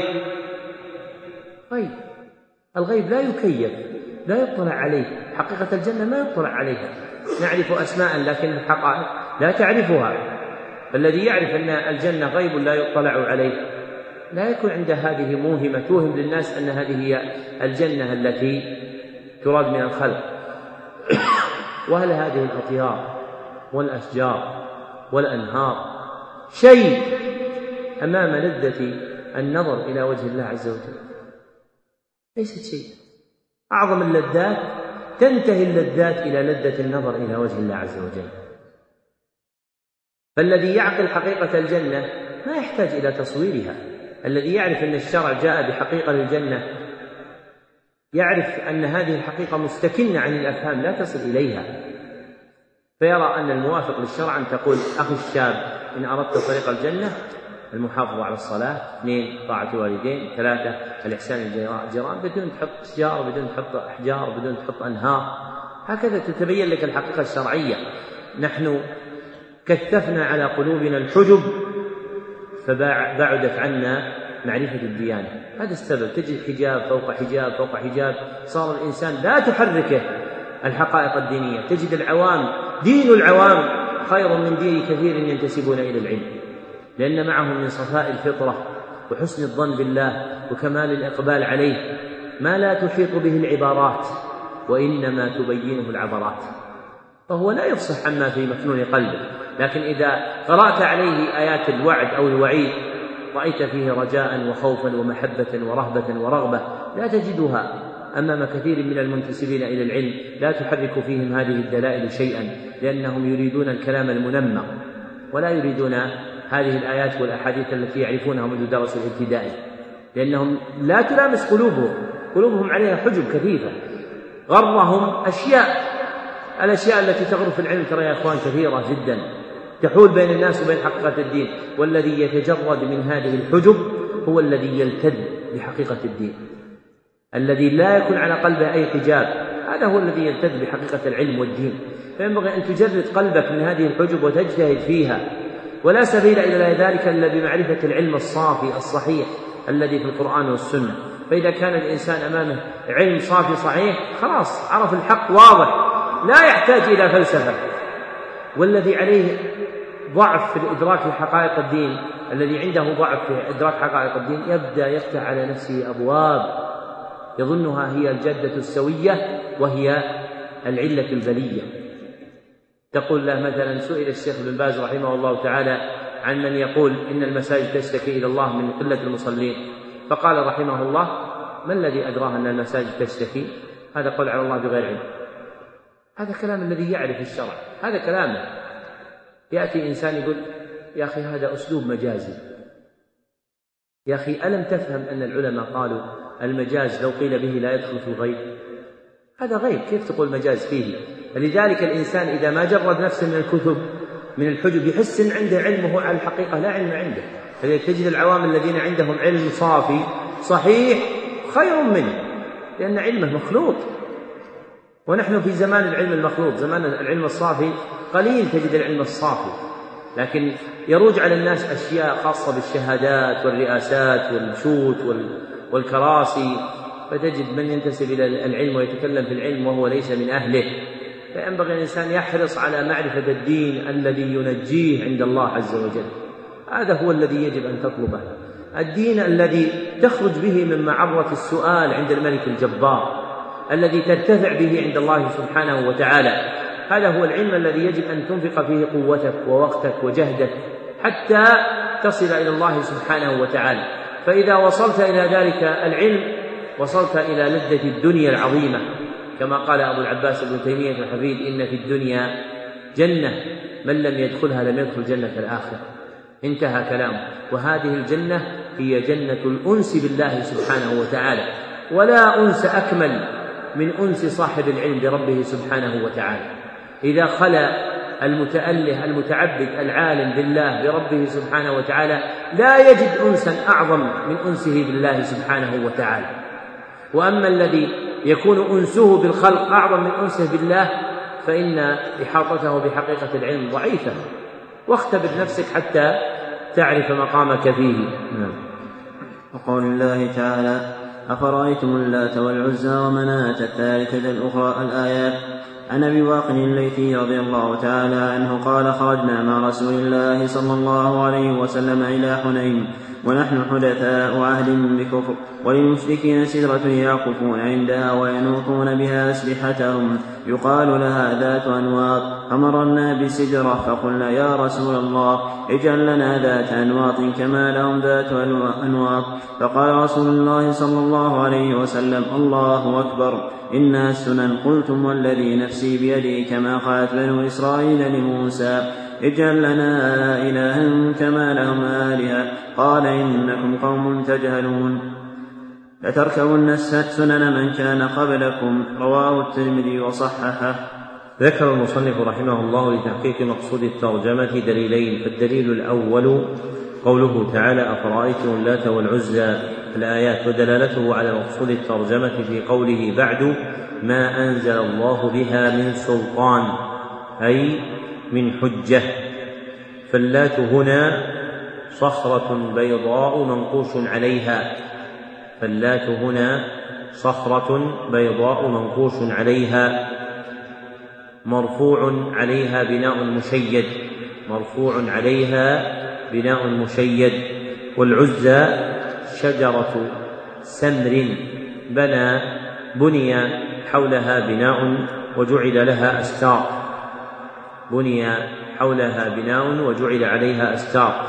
ومناه صنم كانوا يتبركون به. ومناه صنم كانوا يتبركون به. فأبطل الله عز وجل عبادتهم بقوله ما أنزل الله بها من سلطان أي من حجة تدل على صحة فعلهم الذي يفعلون. وهو التبرك بالأشجار والأحجار. فكانوا يتبركون باللات وهي صخرة وبالعزى وهي شجرة وبمناه وهي صنم فأبطل الله سبحانه وتعالى عبادتهم والدليل الثاني حديث أبي واقد الليثي قال خرجنا مع رسول الله صلى الله عليه وسلم إلى حنين الحديث رواه الترمذي بإسناد صحيح ويسمى حديث إيش؟ يعرف هذا الحديث بحديث إيش؟ ذات أنواع. هذا ماذا النوع هذا ماذا يسمونه في علوم الحديث؟ معرفة الأحاديث الملقبة. معرفة الأحاديث الملقبة. هذا ذكره القدماء. وأما المتأخرون لم يذكروه. ذكره الحاكم في معرفة علوم الحديث. وعد منه أنواعا. وأما المتأخرون في تصانيف علوم الحديث لم يذكروه. مثل إيش؟ أول حديث في بلوغ المرام. اسمه حديث إيش؟ حديث البحر. هو الطهور ماؤه. يحل ميتته يسمى حديث البحر. حديث سرية أبي عبيدة يسمى حديث العنبر يسمى حديث العنبر. وعد وعد وعد الحاكم عدة أحاديث مما شهر باسمه. فهذا الحديث يسمى حديث ذات أنوار. اللقب يكون دالا على الحديث قصر أو طال. حديث العنبر حديث طويل. فإذا قيل حديث العنبر عرف هذا الحديث. وإذا قيل حديث الثلاثة الذين خلفوا عرف أنه حديث كعب بن مالك الطويل وهو نوع من أنواع علوم الحديث التي ذكرها الحاكم ثم طواها من تأخر. ولابن حجر كتاب اسمه الأربعين المهذبة من الأحاديث الملقبة وهو كتاب مفقود لم يوجد وأظنه يرجع إلى هذا الأصل وهي جديرة بالإفراد والجمع. ومن جملتها هذا الحديث وهو حديث حقيق بإفراد دراسة بما فيه المسائل الاعتقاد العظيمة. ولا أعرف أن أحدا صنف كتابا مفردا في هذا الحديث. ودلالته على مقصود الترجمة في قوله قلتم والذي نفسي بيده كما قالت بنو إسرائيل لموسى اجعل لنا إلها كما لهم آلهة. قال إنكم قوم تجهلون. فالتبرك بالأشجار فيه نوع تأليه لها. فالتبرك بالأشجار فيه نوع تأليه لها وامتلاء للقلب بتعظيمها وامتلاء للقلب بتعظيمها. فقرأ النبي صلى الله عليه وسلم الآية تصديقا لحالهم فقرأ النبي صلى الله عليه وسلم الآية تصديقا لحالهم. أنه وقع في قلوبهم تأليه لتلك الشجرة بطلب التبرك بها. أنه وقع في قلوبهم تأليه لتلك الشجرة بطلب التبرك بها ومعنى قوله في الحديث ينوطون بها أسلحتهم أي يعلقون بها أسلحتهم متبركين أي يعلقون بها أسلحتهم متبركين يعني يجي يعلق يعلق السيف في الشجرة لماذا؟ حتى يكون السيف إيش؟ قويا حتى يكون السيف قويا ضاربا الحين أهل القرص عشان تعرفون التوحيد أن الناس يحتاجون للتوحيد. أهل القنص بعضهم هداه الله اللي للصيد إذا صا إذا رمى ب إذا رمى بندقه بندقيته صيدا فأصابه. فجاء يجيء به ويضع دمه يلطف يلطف أنبوبة البندقية بدمه. هذا من جنس التبرك. أنه يرجو بها أن تصيب صيدا غيره. وهم يفعلون هذا ويرونه سائغا. وربما فعل رآه بعضهم قال لا توسخ البندق. ووسخ القلب أشد من وسخ البندق. تعلق قلبه بغير الله عز وجل التبرك بمثل هذه الحال أعظم من كونه يوسخ هذه الآلة التي يمكن تضيفها بذلك. فهذا من جنس الأفعال التي تفعل عند الناس ولا يظنون تتعلق بتوحيد الله عز وجل لأن الجهل بالتوحيد ينشئ مثل هذه ينشئ مثل هذه مثل هذه المسائل التي تكثر في الناس. نعم. فيه مسائل. الأولى تفسير آية النجم. الثانية معرفة صورة الأمر الذي طلبوا. الثالثة كونهم لم يفعلوا. الرابعة كونهم قصدوا التقرب إلى الله بذلك لظنهم أنه يحبه. الخامسة أنهم إذا جهلوا هذا فغيرهم أولى بالجهل. السادسة أن لهم من الحسنات والوعد بالمغفرة ما ليس لغيرهم.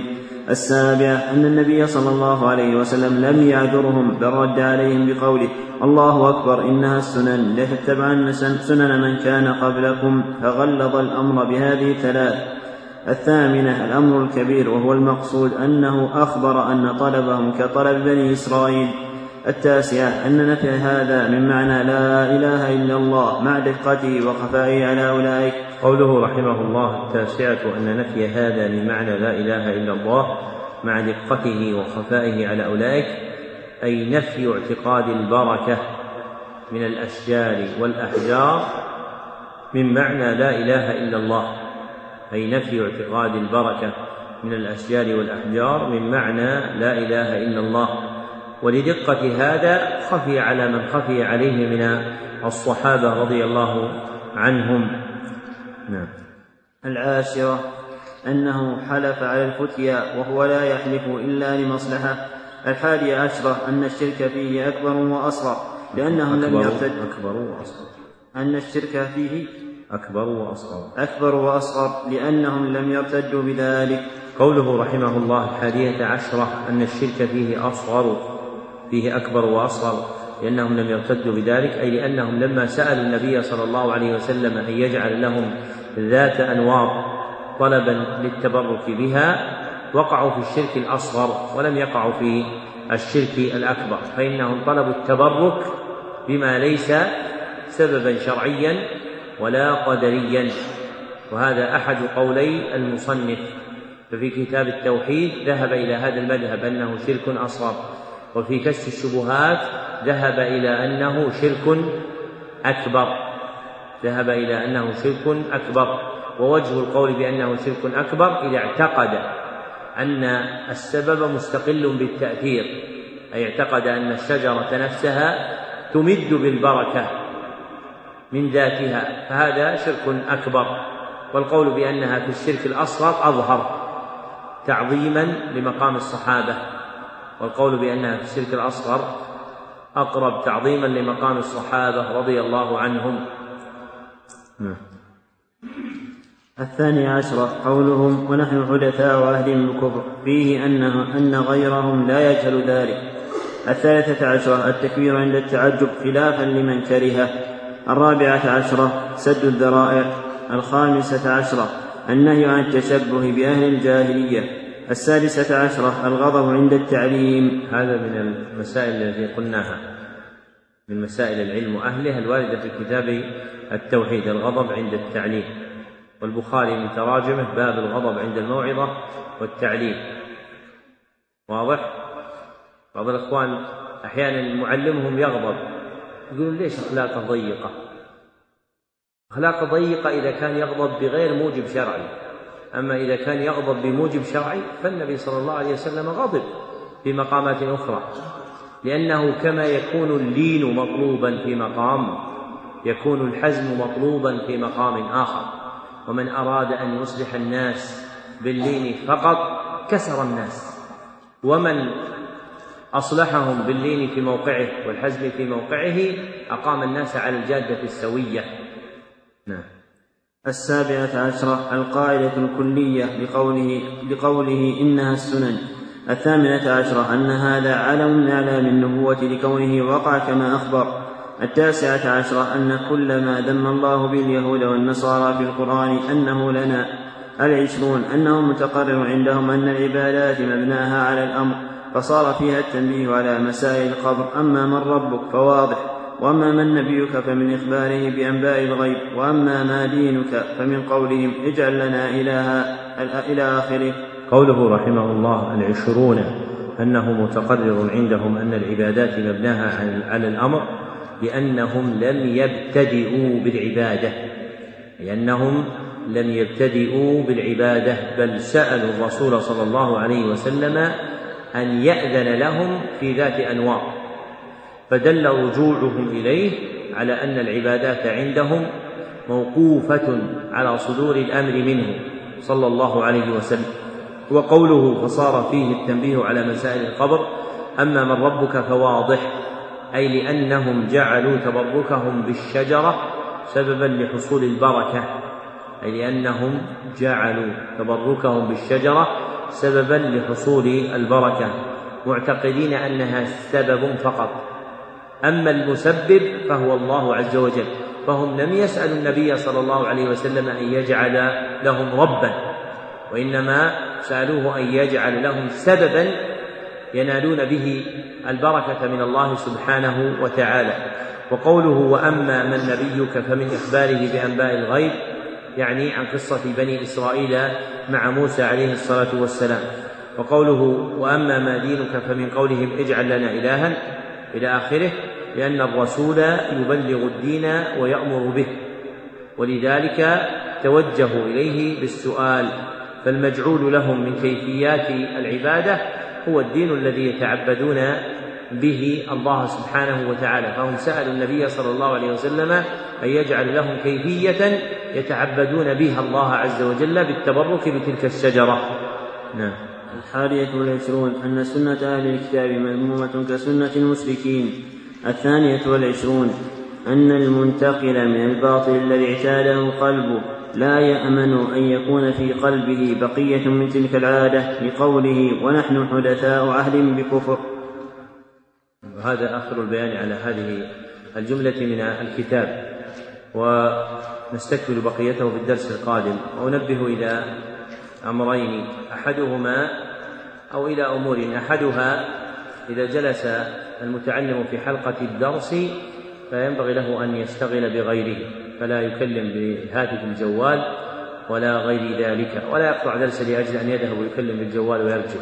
الحمد لله هذه الأجهزة تحتفظ بالمكالمات فيمكنك أن تستدركها لكن العلم الذي يفوتك لا يمكن أن تستدركه. حتى لو قلت أرجع إلى التسجيل فإنك ربما تقول ولا ترجع. قال بعض السلف سوف من جند إبليس. فيقول الإنسان سوف سوف ولا يرجع. ثم إنك لو قدر أنك رجعت إلى الشريط سمعت صوتا ولم ترى حسا. والعلم بالبركة وليس بهذه الأجهزة الجامدة التي يسمع منها الإنسان صوتا ولا يرى فيها حقيقة. فالعلم حقيقته روح تسري بين المعلم والمتعلم ويكون بها التلقي. فينبغي الإنسان أن يحرص في حضوره على الدرس أن يلتزم بآدابه. والتنبيه الثاني أن السنة في من جلس في الدرس أن يجلس في حلقة فالإخوان الذين يزيدون عن عن هذا القدر ورائي هم بمنزلة حديث إنما جعل الإمام ليؤتم به فلا يتقدمون عليه فإنه يؤول الحال إلى أن يكون المتكلم في وسط إيش؟ الحلقة وعند الترمذي من حديث حذيفة أن النبي صلى الله عليه وسلم قال الجالس وسط الحلقة ملعون ورجاله ثقات لكن إسناده منقطع. لكن هذا الهدي النبوي كان حلقة. ما يجلس وسطهم صلى الله عليه وسلم وإنما يجلس في طرف منهم كأن يكون بعضهم على يمينه وبعضهم على يساره غير متخلف عنه. وهو الذي يكون في الصلاة ويكون كذلك في صلاة الجمعة إذا خطب الخطيب مع الإقبال بالوجه على المتكلم. فالذي يريد أن يجلس الجلسة التي على السنة يجلس على هذا الهدي. ونحن نحرص أن الإخوان يلتزمون بالسنة في أمورهم كلها كي ينتفعوا بما يتعلمون. فالعلم كلما التزمت فيه طريقة من سلف مما ورد في الكتاب والسنة وهدي السلف كلما انتفعت أكثر لأن العلم عبادة. العلم عبادة كالصلاة عبادة. أنت الصلاة تصلي على كيفية. العلم كذلك يؤخذ بكيفية. سواء في الأقوال أو الأفعال أو الاعتقادات فإذا أخذت بطريقها وصلت إلى العلم وإذا شغلت عنها بغيرها فإنك لا تصل إلى العلم. ثالثها سيكون إن شاء الله تعالى برنامج جمل العلم وهو برنامج دوري في في الدول التي خارج المملكة. هذه السنة سيكون في دولة قطر إن شاء الله تعالى يوم الأربعاء والخميس والجمعة العاشر من الشهر من شهر ربيع الآخر. والحادي عشر والثاني عشر وفيه إقراء اثنان إقراء اثني عشر متنا في علوم مختلفة. ورابع التنبيهات ستكون هناك إن شاء الله تعالى محاضرة يوم الثامن عشر من ذي القعدة آه، يوم الثامن عشر من ربيع الآخر. عندنا في ذي القعدة في ستة ذي القعدة محاضرة. لكن في ربيع الآخر عندنا في الثامن عشر يوم الخميس من ربيع الآخر في جامع الراجحي بعنوان مصرع الإلحاد. فمن عنده شيء يتعلق بهذا يفيدنا به. جزاكم الله خير. قبل أن تنصرفوا هذه أسئلة اختبار مقرر أربعين نووية. نحن أنهيناها وما اختبرنا فيها. فالآن كل واحد يأخذ ورقة ويجيب على الأسئلة. والاختبارات من ضمن الدرس. يعني ليست خارجة عن الدرس. أحد الإخوان